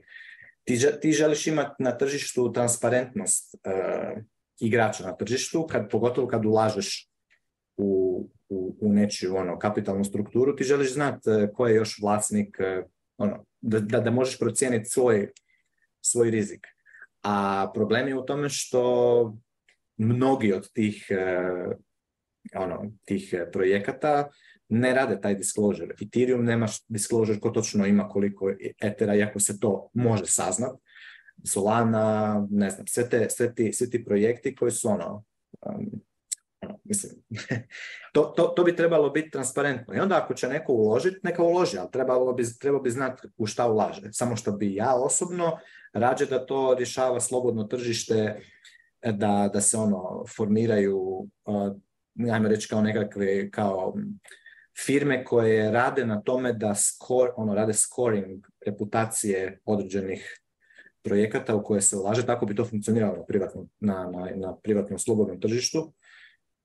Znači neko ko, ko želi napraviti, ko želi e, financirati nekakav svoj projekt, ideju, bi jednostavno prošao kroz proces, ne znam kako se to vetting, znači ono da e, slobodno tržište procijeni koliko je, da, da li, u to vrijedi ulagati ili koliki je rizik i koja je vlasnička struktura i tako dalje. A ovako je to sve onako netransparentno i zapravo se ono, iza te jap japanja o nekakvoj decentralizaciji, što ti ja znam koji je buzzword e, trenutni e, kod njih, se krije u biti to da, da imaš jednu grupu ljudi koja ono koja upravlja tim, tim projektima. Tako da ali opet kažem, ja nisam sklon ono, čir, čirat e, nikakvom SEC-u, nikakvim tim državnim agencijama, mislim da se one trebaju ukinuti, mislim da se država treba ukinuti, mislim da je država jedna najveća organizirana kriminalna e, organizacija, ono, extortion, mafija, kako god ćemo to nazvat. Ljudi koji rade u državi, ogromna većina njih su dobri ljudi koji imaju dobre namjere, samo jednostavno rade u takvom sustavu gdje su ti incentivi tako posloženi da me se ne razumije krivo, ne mislim da je tu, ne mislim da ljudi koji rade kao u nekoj birokraciji da su oni loši, ne, nego jednostavno sustav kao takav je, je, je loš i uvijek će producirati loše, loše rezultate. Um, jel, tako da, to je moje mišljenje o tome. Sad, hoće li, kako će se, kako će se Binance, Coinbase i, te kompanije, kako će se oni boriti protiv toga, ne znam, mislim, na kraju se to svodi na, na to koliko treba ono, platiti reketa, po mom mišljenju, ono, koliko moraju negde podmazati, namazati, da ih se pusti na miru i to uvijek. I za sve te šume silnih tih e, papira, birokracije, papirologije se to svodi na kraju na to. Se meni čini. kako, će, kako to riješiti, stvarno ne znam. Stvarno ne znam da li će utjecati na Bitcoin. Mislim da će, mislim da je Michael Saylor recimo rekao jednu dobru stvar, da kako bude sve više e, taj kripto svijet e, ono gubio povjerenje u, u, te, u te centralizirane ono kripto wannabe ono projekte da će dosta njih zapravo tiču Bitcoin e, kao kao ovaj kao svoj zadnji E, korak, da neće se vraćati nazad u fiat, u dolar, ne, nego u, u, u bitcoin. Ali to je isto proces kojega treba ono, treba vremena da se, da se dogodi, da ljudi iskuže. On, mislim, svako malo je, evo, recimo, neki dan sam čitao onaj Lido e, u, u Ethereumu, taj nekakav, uh, ti ono, da biš, da biš stakao, kad, kad su Ethereum forkali u Proof of Stake, onda u biti da biš stekao Ethereum, mislim da trebaš nekih 20 i nešto, koliko već etera steka, to je 50 tisuća dolara, možeš misliti na svom laptopu, ono, doma ćeš sad ti ranat eh, validatora. To je totalno smiješno, ali naravno, ljudi to neće raditi, ali ako recimo hoćeš 100, 200, 500 dolara vrijednosti etera steka, onda imaš taj Lido koji to kao agregira, pa ti onda to neki derivativ, ono, nemojte mi, nisam ulazio duboko u tu temu, ono, prilike samo znamo, ono obrise kako bi to trebalo funkcionirati, a ona taj Lido je opet e, centralizirani nekakav e, validator koji može cenzurirati transakcije, pa je onda tu onaj njihov onaj MEV, Minor Extractable Value, koji je još dodatno centraliziran od kad su se forkali na, na proof of stake i tako dalje. I uglavnom postoji jedan broj ljudi koji redovito ono, se ono, razočara sa Ethereumom i, onda traži svoj uh, new home i nađe ga u Bitcoinu. I tako da to je ono moje mišljenje kako šta, šta ta dinamika kako utječe na Bitcoin. Što više ljudi ono što im se više transparentnost digne u, u tim svim projektima, onda vide u biti da da, da jedino je Bitcoin ono, zapravo decentralizirani protokol na kojeg niko nema, nema utjecaj, bez obzira koliko bio jak ekonomski igrač, e, ne može imati utjecaj, zato što na kraju krajeva ono, game theory kod Bitcoina je takav da, da, je, da je Bitcoin osiguran ogromnom razlikom između cijene cijene proizvodnje Bitcoina, jel? cijene mininga i cijene verifikacije E, da je to što je izmajnano da je, da je proper. I to jedino kod Bitcoina je ono ogromna, ogromna, ogromna razlika koja raste i dalje. Znači sve skuplje i skuplje i teže i teže majnat, a s druge strane je sve jeftinije i lakše verificirati ranat full mode. Jednostavno, e, tako, tako taj protokol funkcionira. To nije nigdje drugi slučaj. Kod Ethereum-a je zapravo obrnuto. Ti, šta ti znaš, ono, hoće se za godinu dana probuditi ekipa i reći, e sad više nećemo biti deflationary, sad ćemo biti malo opet inflationary, već su promijenili to x puta, tako da ni ne znam. A, a, tebe je jako skupo verifi, ono, validirati, verificirati, nemaš mislim sve to na kraju što proof of stake, jel? Znači, ovi insajderi, prvi, prvi pre, mine koji su uh, i by the way, oni još uvijek drže Bitcoin. Taj Bitcoin koji su, koji su, kupi, koji su ljudi prodali za, za kupit ETH, e, taj Bitcoin je još uvijek kod nekih. Jel? Znači, tako da... Šta reći, šta reći? To su neke moje musings o, o, tom, o toj temi. Ne znam šta ti kažeš. Pa o... Pa meni isto, ja se slažem sa tobom. Meni je čudna situacija zato što sve tri strane nisam veliki ljubitelj ni Coinbase-a ni Binance-a, a naročito ne ovog Gary Genslera, znači ovaj, SEC, mislim koliko oni štite tržište, to ne znam kako to mogu kažem, mislim pogled koji su propuste imali vezane za Celsius, vezane za FTX, vezane za koji je bio ranije ovaj Duke One, mislim to u zadnjih godinu dana je ukradeno stotine milijardi dolara od američkih državljana i SEC e nije ni jednom stupio na scenu. Ovaj, mislim što je, što još gore, ja mislim da Gary Gensler drugar sa Sam Bankman Friedovim ocem i da se on sastajao sa njim zadnjih par godina, ne znam koliko puta, tako da ne znam koji je mi cilj svega ovoga, Um, što se Bitcoina tiče, ja mislim da često to govorimo, mislim da je sve dobro za Bitcoin. Ovaj, ti si pomenuo cenu, ja sam pročitao neki dan da ovaj, um, CZ, ovaj vlasnik binance mora da prodaje Bitcoin da bi štitio tu neku granicu cene ovog njegovog tokena, ovaj BNB, da ako padne ispred nekog nivoa, da će da bude serija likvidacije i da će financijski da bude uništen. Možda ne on lično, ali kao, kao menjačnica, pošto oni mnogo zavise na taj BNB token, da ljudi to drže i da se kockaju što dalje, što duže i što dalje sa tim njihovim tokenom. Tako da je to moguće zašto zato što generalno ovo što si ti rekao, to je ono što bi trebalo biti da se očekiva da ljudi koji imaju ove druge kriptovalute da bi trebali da kupuju Bitcoin i time se smanjuje ovaj, količina Bitcoina na tržištu i cena bi trebalo malo da ide na gore, ali to, to se ne dešava doduše u ovom kratkotrajnom periodu. Ali da, ne znam, vidjet ću Kao Bitcoin ja samo gledam kao crtani film, samo uzmem kokice i gledam najnoviji najnoviji crtani film iz klovnovskog sveta kako Gary Gensler brani državljane od sizija. Sizi je između ostalog iz Kanade. Ja ne znam, ni Binance je valjda registrovan u Dubaju ili negde, ne znam gde. On, on je kanadjanin u stvari, tako da on odgovara za kanadska, kanadska prava. Tako da bit će zanimljivo. Ovo sada i dalje, ovaj, ovaj, to je civilni slučaj, znači nije kriminalni postupak, ali mislim da da će da ga zovu da dođe u Ameriku, to će bude zanimljivo da li će to da uradi ili ne. Da, da. A ne znam, mislim, e, teško je, teško je tu reći. Ja sam mišljenja da, da exchange-evi, ono, mjenjačnice generalno E, su dobar, e, znači bez menjačnica, ti ne možeš e, uopće generirati likvidnost, kako ćeš uopće prodati taj svoj državni shitcoin kojega imaš i kupiti bitcoin.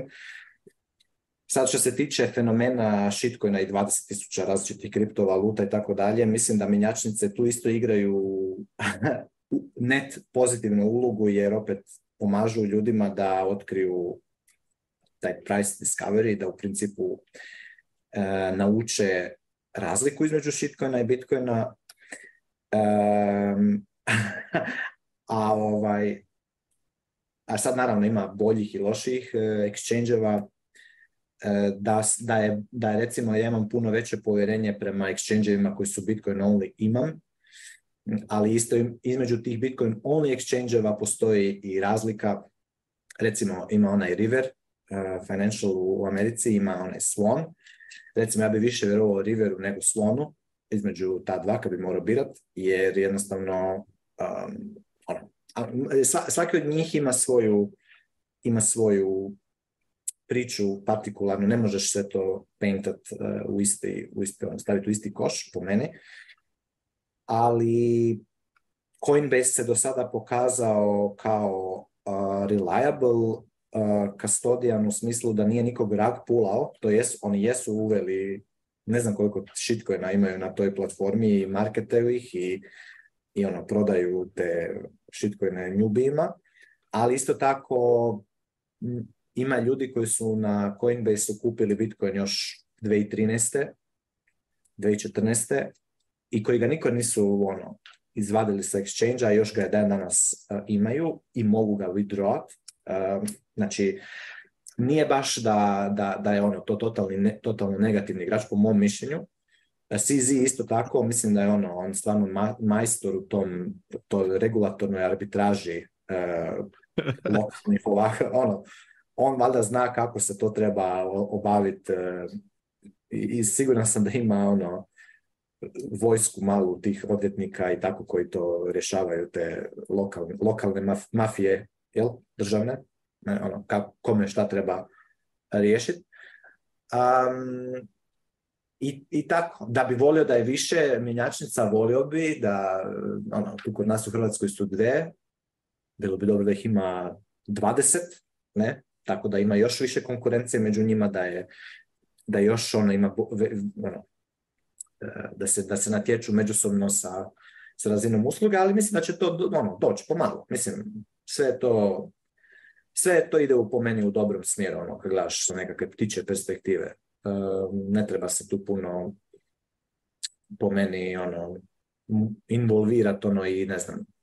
Da, definitivno ne treba držati jedan drugi token u bilo kakvim e, velikim iznosima osim Bitcoina, ništa toga nema dugoročno, sve to ide trending to zero u, u, izraženo u Bitcoinu, tako da ne znam, ali opet ljudi moraju koristiti, moraju, na neki način kupiti Bitcoin, kažem.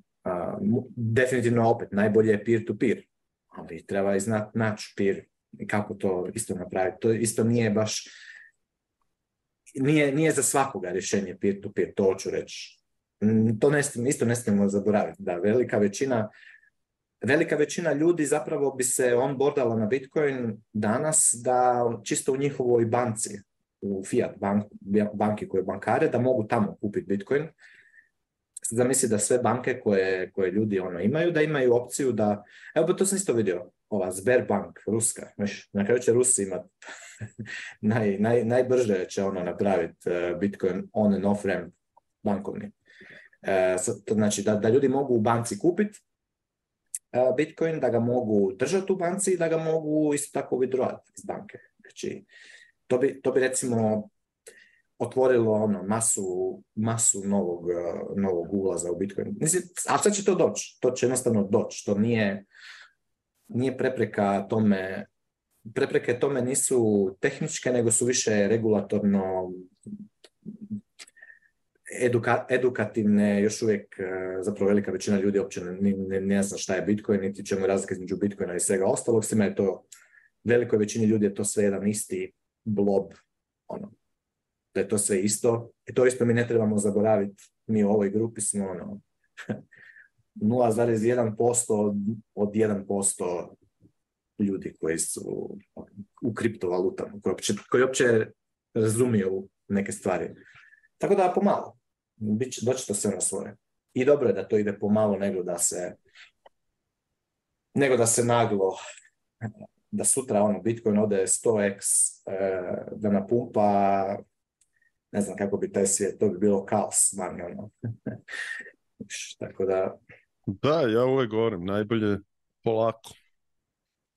Najbolje bi bilo da Bitcoin u stvari pada još dve godine. Polako, da, da, pada, da. pada, pada.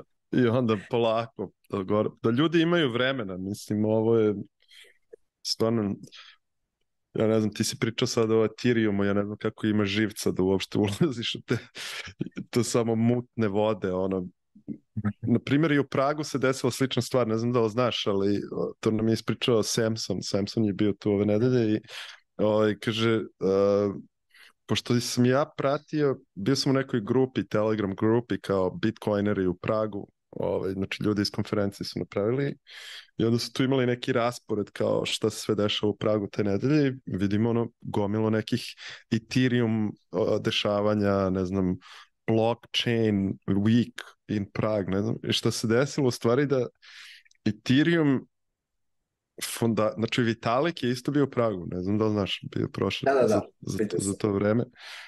I oni bukvalno samo mute vode, ono, znači za ljude koji ulaze počne da se interesuju Bitcoin, za njih oni dolaze u Prag kao da idu na konferenciju i nauče Bitcoin. Kaže, ja vidi, evo ima Ethereum, kao ajde da vidim Ethereum, to je deo Bitcoina.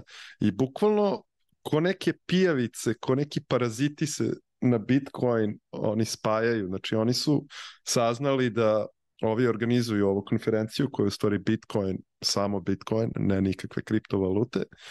I onda su oni organizovali u isto vreme Ethereum dešavanja i Ethereum, da, da, da. da li su imali konferenciju, ne znam, ali su imali neke seminare i maltene konferenciju. I onda su rekli, ok, ovo nije Bitcoin nedelja, nego je ovo blockchain prag nedelja. Tako. Mislim, neverovatno šta su ti ljudi sposobni ovaj, da urade. Tako da, mislim da ljudi već sad govore ja sam zakasnio za Bitcoin. Ja mislim da ako cena malo stagnira, da će ljudi imati malo više vremena, da, a onda će fiat sistem da uradi svoje i ljudi će prirodno ovaj, da prihvate Bitcoin kao rešenje. Da, da, Ma ja mislim opet da je čak je, i to pozitivno, zato što ti opet imaš e, recimo od svih ovih silnih ljudi koji su bili na Bitcoin Prag, na, na konferenciji tamo, koji su došli, koji su ono bili potpuno, jer bila ona kao nekakav general admission, ono, čisto ljudi su mogli doći, ono, koji nemaju, uopće nisu u, u tome, nisu niti u industriji, ni ništa.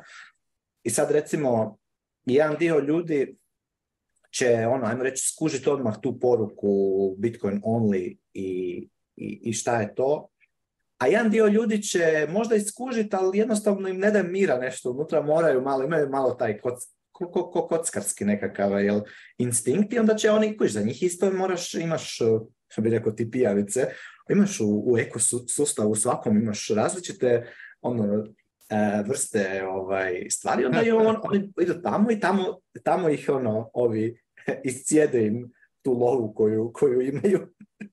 Tako da bi onda i oni naučili u biti šta je to. Onda će se oni vratiti, ne nužno odmah, ali možda kroz koju godinu će se vratiti nazad u Bitcoin i onda vidjeti, a vidi stvarno, više ne da sam barem poslušao tada. Ali ja tako vidim ove Ethereum i sve te shitcoine, ono, kao na neki način, stvarno kao neku vrstu ono, fertilizera. Jel? Ali to ne znači da, da, da želim se s njima, ono, ne želim provoditi vrijeme. A, znaš, kad vidim... Jedna od boljih prezentacija je bilo kao i uvek Giacomo, Giacomo Zuko, da. ne znam da da li si njegov gledala, njegov se zvala Ordinals. Ordinalsi su retardirani, na engleskom Ordinals are retarded, ali ovaj, imao je fenomenalnu jednu rečenicu. Priča, mislim, po, naslovu vidiš njegovo mišljenje šta, su ordinalzi, ali ovaj, u jednom momentu prezentacije prezentaciji govorio kao da ima neki ljudi koji misle kao sve je dobro za Bitcoin, i Ordinals, eto, Ordinals sada pumpaju ovaj, minerima, dodaju budžet da. Da, ovaj, da osiguravaju Bitcoin i to je dobro za Bitcoin. I onda kaže, a to može se poveže i na ovo što si rekao da su... to ja mislim, da je, to je moja pozicija. Sad za Bitcoin. A on kaže, pa da je kao, sve može da bude dobro. Evo, ja mogu da udaram, bijem ženu svaki dan i lupim šamar, i to je dobro za nju zato što je jača refleksa. Mislim, njoj će refleksi da budu mnogo bolji. Ja još lupam šamar svaki dan. da, da, da. To je dobro za nju, jače je reflekse. Kaže, ali si ti dalje ono, budala što je šamaraš svaki dan. je, je, istina, da, da. Odličan ovaj, komentar, mislim. Ali dobro, to nije ah. najbolje poređenje zato što kad šamara ženu, ti u stvari radiš to da više malo. Da, da, to je violence. Ovi što prave i... ordinalze, oni možda iskreno misle da je to dobro, tako da nemam pojma. Ali to je bilo... Giacomo Zuko je stvarno legendarni ovaj, je, je, stvarno. Super, ako smijem, super Ja rekao još jednu stvar. Mm, e. e, isto tako, kao je rekao Giacomo, da li to spam ili nije za mrežu? i i onda ovisno da li si pošiljatelj ili primatelj spama, jer onaj koji prima odlučuje da li spam ili nije, ne?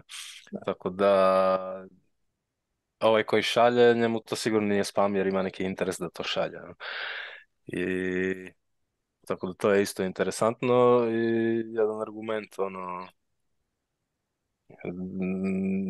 Za to da se nešto poduzme da se to ili suzbije ili minimizira ili ograniči utjecaje ili da bude više fair, ne? Ne znam. Po meni, po meni jedino što možeš napraviti da ajmo reći suzbiješ ili reduciraš e, retarded ordinals je ignorirati. A, ali ja mislim s druge strane da puno ovih koji su anti-ordinals ekstra, da u principu oni su dali jako puno energije svog vremena u Ordinals i nesvjesno su ih ono, ono, da, dali su mi puno više.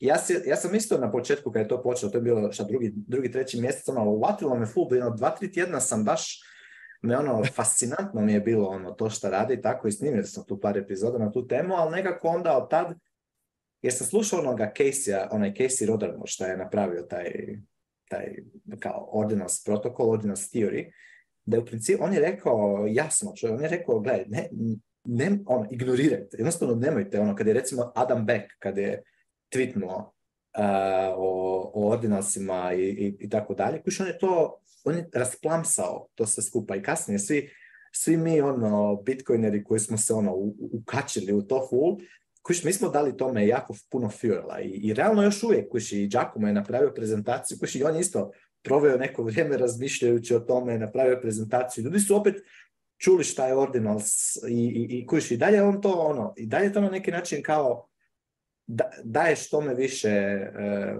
net, net daješ više eh, nego šta, nego šta ima. Jer kažete, ti da sad recimo 100% svih Bitcoin holdera eh, koji su protiv toga jednostavno od sad, od ovog momenta pa nadalje više uopće ne provede jednu sekundu niti misleći o tome, niti, niti o tome, niti radići prezentaciju o tome, niti pričajući, niti ništa, eh, ono, to bi drastično, drastično manje eh, bilo aktivno, pa bi sklo, shodno s tome bi manje bilo ono pressure na fee, market i na kraju krajeva jednostavno bi bilo manje relevantno. Ali kažem, dogod mi o tome, ono, pričamo koji mi to pumpamo na neki način, tako da to, to, je ok, ja apsolutno se slažem s tobom. Imam i, imamo, ali imamo i drugu razinu ignoriranja gdje ih možemo totalno ignorirati sa Bitcoin mreže, ono, sa par postavki u, u nodovima, ne?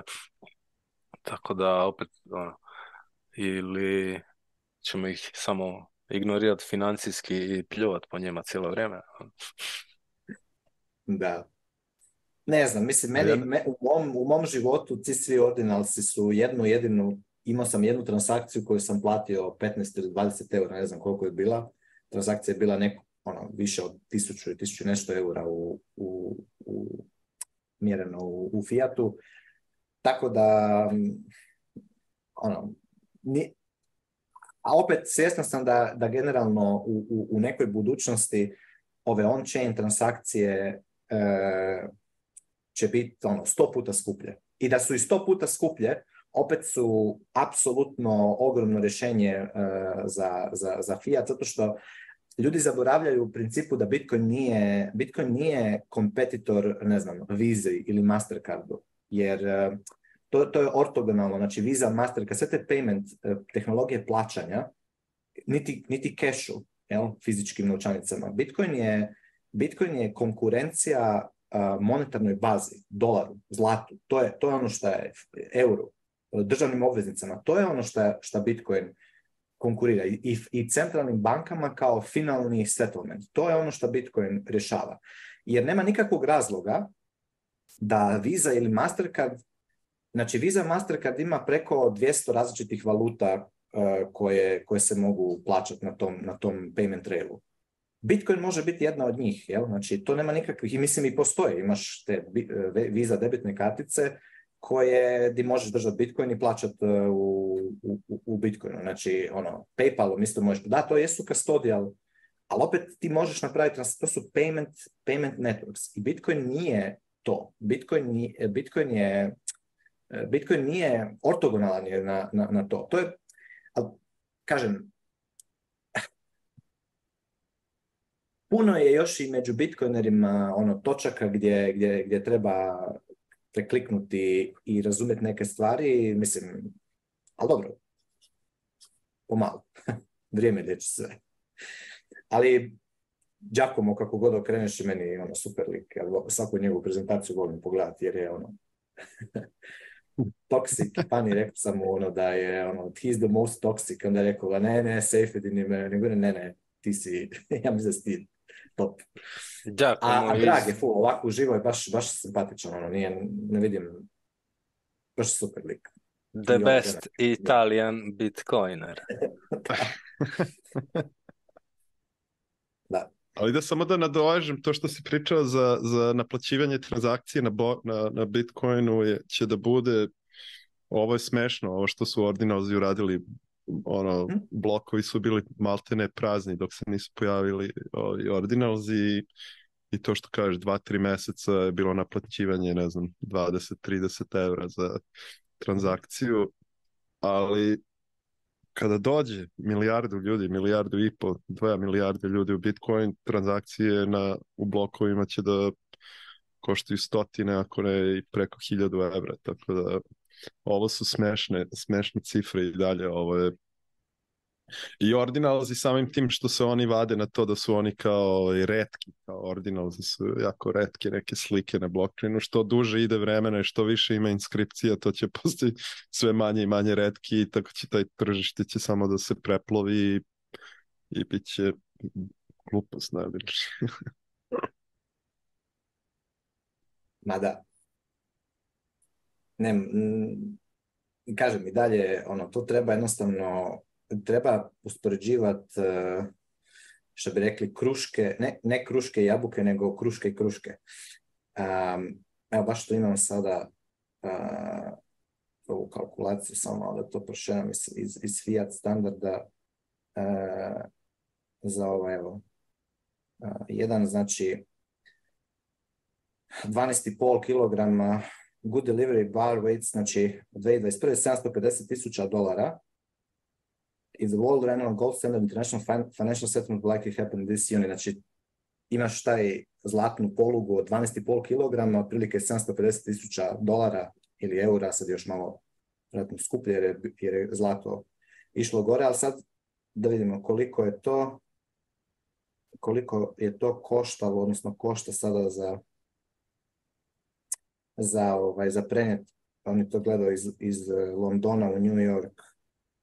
E, Setting god, da.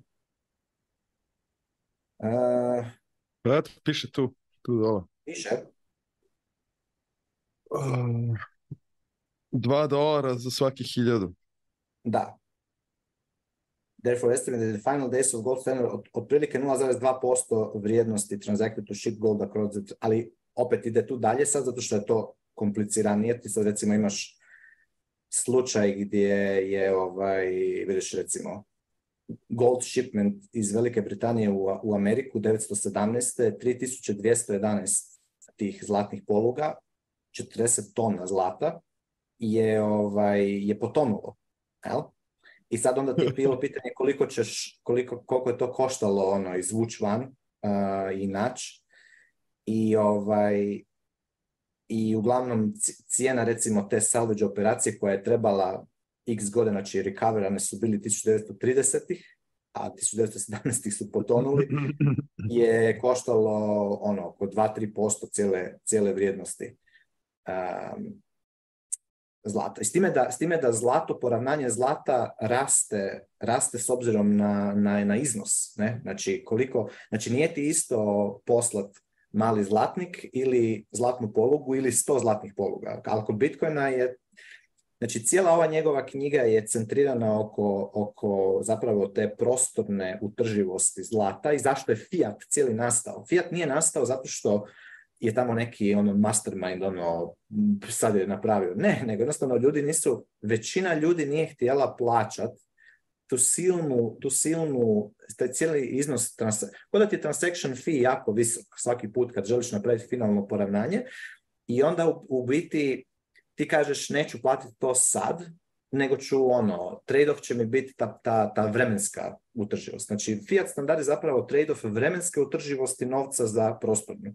Imaš manju, imaš e, višu prostornu utrživost, jer fiat je lako poslat u prostoru, jer je dug kredit, ali zato si žrtvovao si e, vremensku utrživost. A Bitcoin je riješio oba dvije, jer sa vremenske strane Bitcoin je tvrđi od zlata, jer zlato se još uvijek e, rudari, ono, 1-2% godišnje se uvijek nađe novog zlata. A Bitcoin, evo sad, na sljedećem halvingu stock to flow ono ide na 100 i, i, i godišnji supply growth rate se prepolavlja, jel? Tako da Bitcoin će biti već tvrđe, tvrđi novac u zlata na sljedećem halvingu i nastavit će se ono, biti apsolutno scarce, a istovremeno ga možeš u, u prostoru namiriti e, evo ga, cost of shipping oko gold oko 3000 dolara.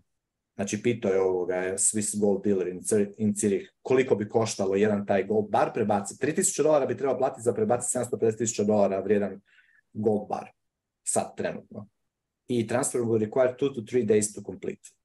A i to, nema, I to još nemaš verifikaciju. Znači ti opet dobiješ taj, sad zamisli, ti dobiješ full, ti dobiješ cijeli taj zlatnik, veliki, od 750 tisuća dolara, koji može kupiti ono, ono lijepu nekretninu s tim, ali ti u biti s time kad ideš, zamisli da sad ideš platiti, evo vam taj, taj, tu zlatnu polugu, i hoću kupiti ovu, ovu kuću sa, sa okućnicom i to se skupa, još moraš verificirati da li je to stvarno zlato ili unutra ono, jel, jel, posto 100% zlato.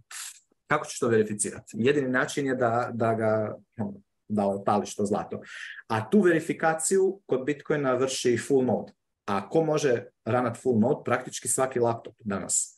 Znači cijena verifikacije, cijena transfera u prostoru je neusporediva.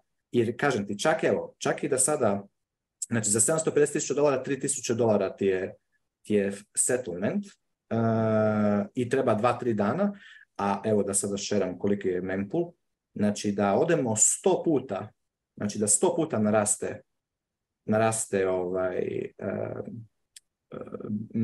mining, fee, ti imaš šta? 60, uh, 70 dolara. Znači ti biš platio 70 dolara za bez, bez obzira koliki ćeš iznos uh, Imaš milijardu dolara vrijednosti Bitcoina setlat sa 60 dolara da sto puta naraste. Znači, to možeš uspoređivati. Koliki je, koliki je ono, čemu zapravo Bitcoin konkurira? Bitcoin ne konkurira Vizi i Mastercardu, jer viza može setlat gold. Znači, razlog zašto, zašto recimo mi ne živimo u zlatnom standardu je upravo zbog toga što ne zato što viza ili banke ne bi mogle operirati na zlatnom standardu, nego jednostavno zato što zbog te cijene prostorne utrživosti zlata, zato što je zlato skupo za finalno, finalno poravnanje u prostoru, zato se centralizira, zato, se, zato države uvijek na tu centralnu hrpu zlata ono kepčeraju i zlato, zato, zato jednostavno se raz, razvije fiat standard. I ti ne možeš, to je fundamentalni problem sa, sa zlatom. I fiat je takav kakav je, a, a Bitcoin je rješenje i nema tu... I, i zato, zato je meni na neku ruku i smiješno pretjerano se ono sekirati oko ordinalsa, ono, who cares, kojiš, mislim, na kraju krajeva oni, oni ako ono, ako imaju love za, za majnat te glupe sličice i, i plaćate te transaction fijeve, kao što su plaćano 500, 600 satošija po bajtu u onom jednom periodu kad, kad, je, kad je onaj, onaj kako se zove, neki, neki vampire, neki BRC20, ono, su, su, su majnali tih par dana, te tokene, znači, znaš ti koliko to moralo koštati uh, e, tu ekipu. A ti na kraju krajeva ne možeš printat Bitcoin, znači ti moraš platiti taj transaction fee, ono ako hoćeš se igrat uh, ti gluposti, oh, hoćeš platit, plati. Ali to ne nama dalo samo mali ono taste e, budućnosti. Ja sam stvarno uvjeren da u budućnosti e, on-chain transakcija će biti nešto što čak i on-chain i lightning transakcija, otvaranje kanala, zatvaranje kanala, liquidity management, to će raditi specijalizirani ono, e, operateri e, fedimentovi, jel? Znači, i bit Fedimint Guardian isto nešto što je, nešto što je će biti specijalizirano stvar za... A bit će ih jako puno. To je ono što je razlika između bankarenja na fiat standardu i bankarenja u bitcoin standardu. Što ti često možeš ektat kao bitcoin banka samo sa laptopom i pristupom internetu. U suštini, ne treba ti ništa drugo. Jer, eh, ne, ne, ne, ne treba ti sef, oružje, vojska koja će ti zaštititi zlatno, zlatno poravnanje, jel? Ali to, je, al to je ta razlika između, kažem, a zbog toga što će imati toliko, toliki, toliku količinu Bitcoin kastodijana i modela u Bitcoin kastodijanshipu, to, ta, ta, ta konkurencija prijeć, će priječiti ono, centraliziranje moći i pojavu fiat, fiat standarda na, na Bitcoinu. To i to koliko je Bitcoin jeftin i jednostavan za uzet u svoj posjed i, i, i poslat ga u prostoru. Kužiš, to, to je ono što zapravo, taj game theory je ono što priječi e, bit, ne, kažem, ta njegova nefizikalnost, e, nematerialnost je to što priječi da ti neće neko raditi fractional reserve banking na, na Bitcoinu.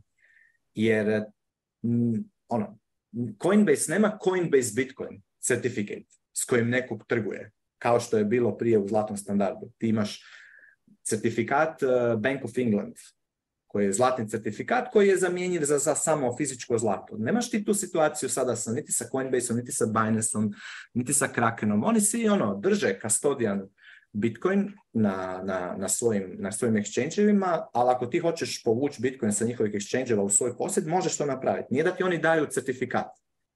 Jedini certifikat u Bitcoinu je onaj wrapped Bitcoin na Ethereum ali to je isto ono, u suštini ako hoćeš, za, koliko sam shvatio, zamijeniti za, za, za Bitcoin on-chain, možeš napraviti samo što je vjerojatno malo više involviran postupak, ali ne treba se oko toga po meni sekirati, nego samo treba svaki put kad nešto dođe čovjeku da je, mislim da je ovo malo bad for Bitcoin, to znači da imaš premalo Bitcoina, znači da nisi dovoljno o lina o, Evo, i to je moj zaključak više Rentovcu all in je uvijek rješenje.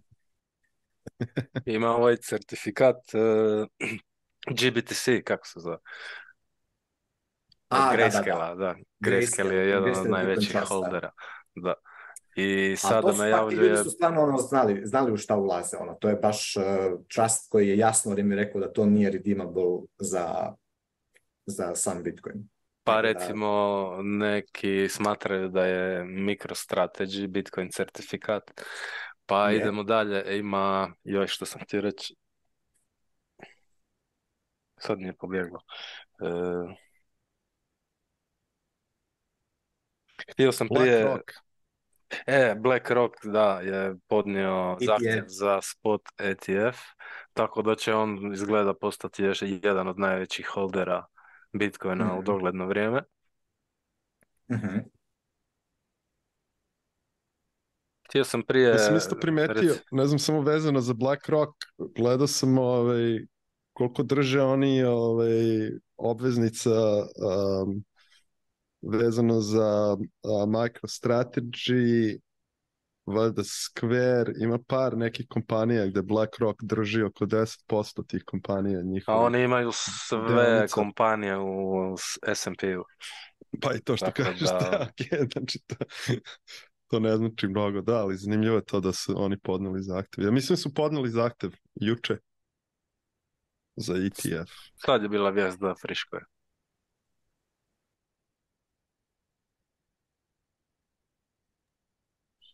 Prije da. si rekao, Pavao, eh, u principu eh, slažemo se svi na neki način da skaliranje Bitcoina zahtjeva određenu, određenu dozu trasta, povjerenja i, i da je izgledno da će se na taj način razvijati i skalirati Bitcoin. Evo jedan primjer je a, ovaj prijedlog e, što je Burak napravio koji se zove ARK, koji je za sada samo priča, ali je zanimljiva stvar, ono, koliko sam ja, nisam programer, ali koliko sam ja shvatio, to je neka priča nešto između Lightninga i Fediminta, slična struktura ko Lightning, e, samo što neće bi, nećemo otvarati kanale međusobno, nego će biti jedan e, servis provider veliki koji opet slično ko Fedimint neće imati puno mogućnosti da rak pula nikoga. I isto tako e, bit će e, isto slična, slični, sličan nivo privatnosti.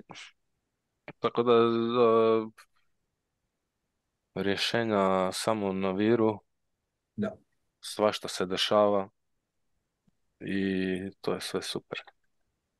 I ti modeli povjerenja su drugačiji u, u Bitcoin, na Bitcoin standardu nego što su bili na zlatnom ili na fiat standardu, jer modeli povjerenja su, imaš skalu, znači ono, i možeš ići u, ajmo reći, skroz, što bi rekli, trustless, jel? Samo, samo ne vjeruješ ništa, nego verificiraš samo, jel? To je ono kad ranaš svoj, svoj full node i jednostavno nemaš, e, ne moraš vjerovat nikom. A pa, pa do skroz full trusted.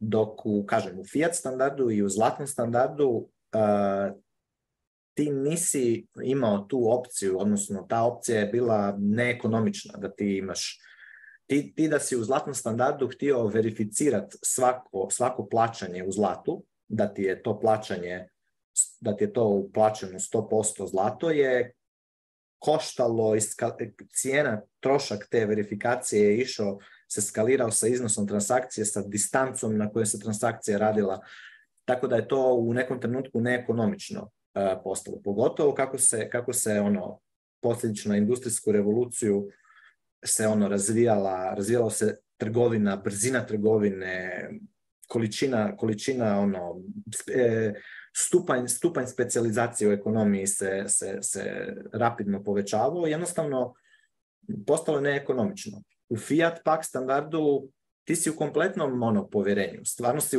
u, moraš stalno biti u povjerenju da, da, da, da, ono, da, će, da će monetarna politika biti, e, da će te zaštititi od inflacije. Nećete zaštiti zaštititi od inflacije. Ono, prosječna inflacija e, svih monet, ono, svih monetarnih eh, baza, svih fijata je otprilike bila 14% u, u cijelom 20. Ono, od mislim do drugog svjetskog rata vam to računa na, na ovam. 14%, a najbolje, pazi, 14% godišnje ti popušiš u prosjeku kad gledaš sve ukupno, sve, sve zemlje. Tu su i one koje su ala Venezuela, ali tu su i recimo, ne znam, zemlje tipa Švicarska.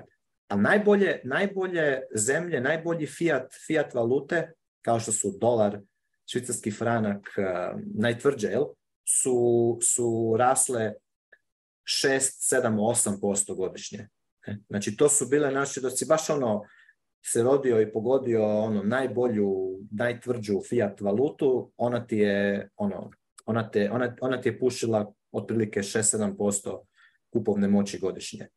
Što je što je katastrofa ono i, i, i to i svake godine kažem to je kumulativni ono efekt koji Michael Silver je odličnu prezentaciju napravio na ovome na na BTC Prag 30, 30 minuta traje sa slajdovima gdje je prošao kroz sve te brojke gdje ti ne možeš jednostavno ti ne možeš uh, ono efekt toliko ogroman da da, da stvarno ga Bitcoin, Bitcoin ga jedini, jedini fiksa i i stvarno mislim da je sve dobro, sve je dobro za Bitcoin. I BlackRock šta ulazi u Bitcoin i, i, ako će, i, i čak i ovaj GBTC fractional reserve, da, fractional reserve, da, ne možeš redimat. Da, zato je discount uh, na ovome, sad trenutno na, na, na, na samom price ovog underlying asseta. Ali zato je bio i premium za vrijeme bull marketa. I opet će se to dogoditi. Opet će na bull marketu sljedeće godine ono, doći premium na, na GBTC, ako ga umeđu vremenu ne, ne likvidiraju. Što mislim da je unlikely da će likvidirati. Jer opet, ja mislim da većina tih ljudi koji su kupovali GBTC su, su ti bili ono, ekipa koja ok, kužim šta je Bitcoin i ovako onako ima već ne znam kakve milijune ono u svom portfoliju kakvom god već diverzificiranom. pa daj da stavit ću par posto u, u Bitcoin, pa who cares for the long run. Ali ne želim uopće ni misliti kako ću to, kako ću, kakav, kakav wallet, kakav node, ništa, samo, samo mi kupi ono. Daj, brok, halo, kupi mi, kupi mi e, pol dolara od mog portfelja od 120 milijuna dolara stavi u Bitcoin i pusti, pusti nemoj, nemoj, mi, nemoj ni reportat narednih pet godina. To su ljudi koji su kupovali GBTC, puno njih. A ovi koji su, koji, koji su kupovali ovi naš, naše generacije, ali American Hodl i, i ta onaj David Bailey šta vode u... Mislim, za njih je to dobra, dobra lekcija. Jer oni po meni... Mislim, generalno taj, taj, taj, taj financial privilege koji, koji ti, ta ekipa ima da, da drže Bitcoin u tom nekakvim njihovim IRA, investment retirement account, sve to skupa. Ljudi moraju ono shvatiti da ništa, ništa šta je šta državno regulirano nema od toga nikakve vajde, što bi rekli.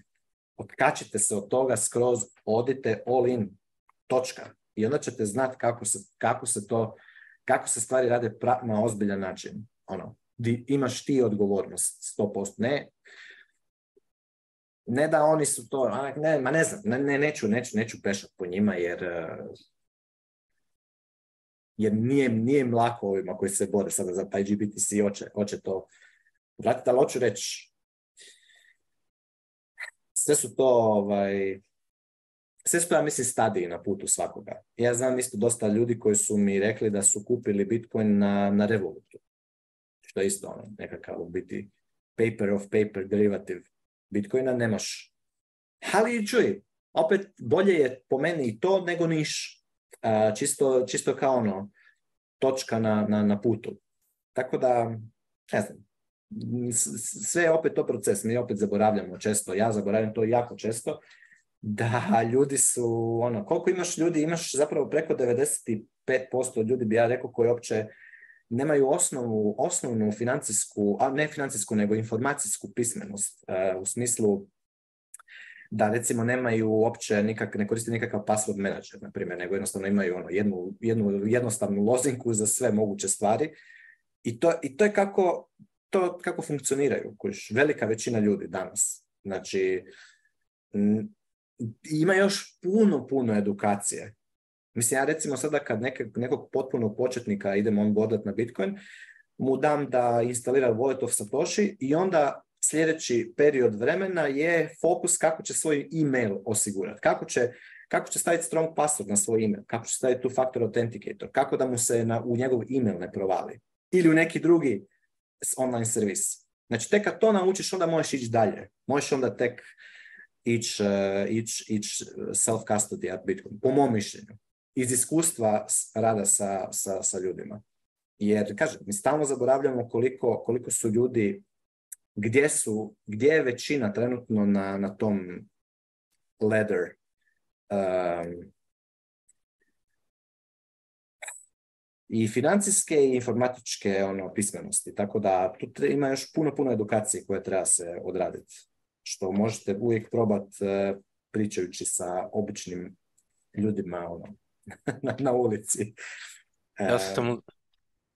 Da, reci. U zadnje vrijeme sam imao razgovore u vezi Apple-a i operativnog sustava i open source aplikacija i zadnje vrijeme je Apple dosta aktualan jer je e, počeo cenzurirati određene Bitcoin firme e, između kojih Damus e, Zeus, prije toga Blixt. E, uglavnom Apple je zatvoreni ekosistem i centralizirani i naravno da, da neće odobriti ništa što njima odgovara. Naprimjer, primjer, da biš imao Evo sad, na primjer, vi radite novčanik u Beogradu. Ti da biš imao novčanik na, na njihovom storu, moraš otvoriti tvrtku. Ne možeš biti open source, ono, Znači, ako nemaš tvrtku, oni ti neće odobriti novčanik, na primjer. To znam, nedavno se to blikstu desilo, ima je, ono, zavrzlame s tim. I, I to je jedna stvar. I druga stvar je što žele, naravno, udio u kolaču od svih financijskih transakcija što se dešava na njihovoj platformi treća stvar je što to povlači kontrolu, cenzuru, neprivatnost i tako dalje, tako dalje. Tako da e, sam često preporučivao da, pogotovo iPhone userima, da, da si nabave Android telefon i da instaliraju open source operativni sustav na njega. To je danas sve dostupnije, ono, Može biti doslovno bilo koji ne prestar telefon za 100-200 eura polovni i, i treba samo slijediti upute kako se to instalira i koristiti open source aplikacije, skidat e, aplikacije općenito direktno sa GitHuba, postoji aplikacija Optanium, za to također može to sve automatizirati. Tako da je to jedna aktualna tema i ono, dobro za spomenuti. Možemo podijeliti par linkova dole isto i uskoro ću prevesti jedan vodič od na o toj temi isto jako koristan. Pa kako? Isto dobra, dobra vježba za one koji su isto spremni e, i za taj korak je da isto ako koriste e, Windows je operativni sustav ili ako su na, na Macu, na, na Apple OS-u, za desktop računalo da, da probaju jedan put e, ono, instalirati Linux, neko, počet sa Ubuntu najjednostavnijim je, i, i, i malo i taj, e, kako to, kako, taj, kako to iskustvo izgleda. To je nešto što je meni pak bilo recimo jedno jako korisno iskustvo da se ono, upoznaju ljude sa, sa ono, open source softverom generalno, kako funkcionira, zašto to postoji i u čemu su razlike i šta znači kad je nešto free, ne free kao besplatno, mislim, može biti besplatno free, ali free kao free, kao slobodno, ne? Znači da imaš freedom u korištenju, slobodu u korištenju softvera i mijenjanju toga softvera i ono, kad se upoznaš sa tim stvarima, onda, ti je, onda, znaš, onda znaš koji trade-off uvijek uh, radiš. Jer, kažem, ja, ono, ja onako imam taj pragmatični, realistični e, pogled na sve to skupa, gdje uh, postoje alati za određene stvari. Isto recimo često kad neko pita kako da ja napravim privatnost, privatnost u Bitcoinu ili privatnost općenito, moje recimo je ono, odgovor na to pitanje je od koga, odnosno od čega se želiš privatizi, od čega, šta, šta, je, šta ti je tret, šta je tret vektor, šta, od koga se želiš e, privatizirati. Znači, e, ne, ne, nema, tu, nema tu jednog dugmeta ili nečega šta stisneš pa si kao privatan. to, to tako ne funkcionira u, u, u svijetu softvera. Ono. To je dinamični, dinamični ono, su ti tret, vektori, napadi, načini kako se za ti, od toga štiti. U vremenu se mijenjaju neke stvari koje su danas relevantne i točne samo prije godinu dana nisu, pa, znači odnosno prije godinu dana je bilo jedno, a sad već se drugačije stvari radi. Tako da nema tu, mislim, samo se treba shvatiti da, da je ovo područje cijelo koje je još uvijek vrlo nascent, mlado, novo. 14 godina se čini ljudima da je puno, ali nije puno u nije puno. Neke nove tehnologije, pogotovo neke tako fundamentalne i velike tehnologije kao što su internet, kao što je Bitcoin, još veća. Bi ja rekao da je još veći e, e, utjecaj će imati na, na, na trebaju jednostavno vremena da se, da se adaptiraju, trebaju vremena da se, da se razviju, trebaju vremena da se ti servisi razviju, trebaju vremena da servisi, usluge i tehnologije postanu toliko jednostavne da ih svako može koristiti bez da ono bude ne znam kakav ekspert. A u Bitcoinu je to još uvijek je to na samom početku. Nema, ima nekoliko stvari koje su jednostavne full za korištenje, ali još uvijek je to za većinu ljudi intimidating. Ali dajmo još 10-20 godina i, i bit će kao što je danas ono. Danas većina ljudi na svijetu bi ja rekao da zna poslat mail i primit mail. tako će isto biti sa Bitcoinom. Ali do, toga je trebalo doći. Prije 30 godina nije puno ljudi znalo poslati i primiti email. Znači, puno je, bilo, puno je tu bilo više koraka i, i, i teže je to bilo tada nego danas. Eto, moje mišljenje o, o, tome. Ali to je velika prilika za ljude koji su sada u Bitcoinu, koje sada to interesira, vrlo isplativo isto e, ono, znanje za imat. Pošto smo tako rano. Moje zapažanje je da općenito ljudi koji su izvan našeg babla e, mhm. i koji su svjesni Mm, potencijalnih negativnih strana financijske tehnologije ono da mm, nije im jednostavno vidjeti razliku e, koju Bitcoin predstavlja u smislu digitalnih plaćanja i da bi probili taj bubble e, mislim da bi tu trebalo koncentrirati energije dosta i nekakvu propagandu odraditi, ono. Pa eto, mi dajemo svoju, svoj obol propagandi ovdje s ovim podcastom. Moramo tu propagandu držati na visokom nivou, s obzirom da imamo fiat propagandu na svakom koraku, konstantno. Moramo je ovu, ovu našu isto pojačati. Dobro, pa dobro smo, ajde snimili danas malo, e, moramo se vratiti nazad u, ovaj, ovaj ritam.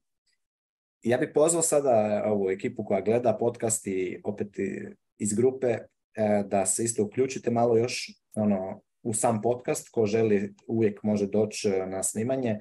Ja ću probati sad malo ovaj termin fleksibilnije prilagoditi, neće biti uvijek u petak u deset ujutro, nego kako koji tjedan se uspijemo svi iskoordinirati, da snimimo.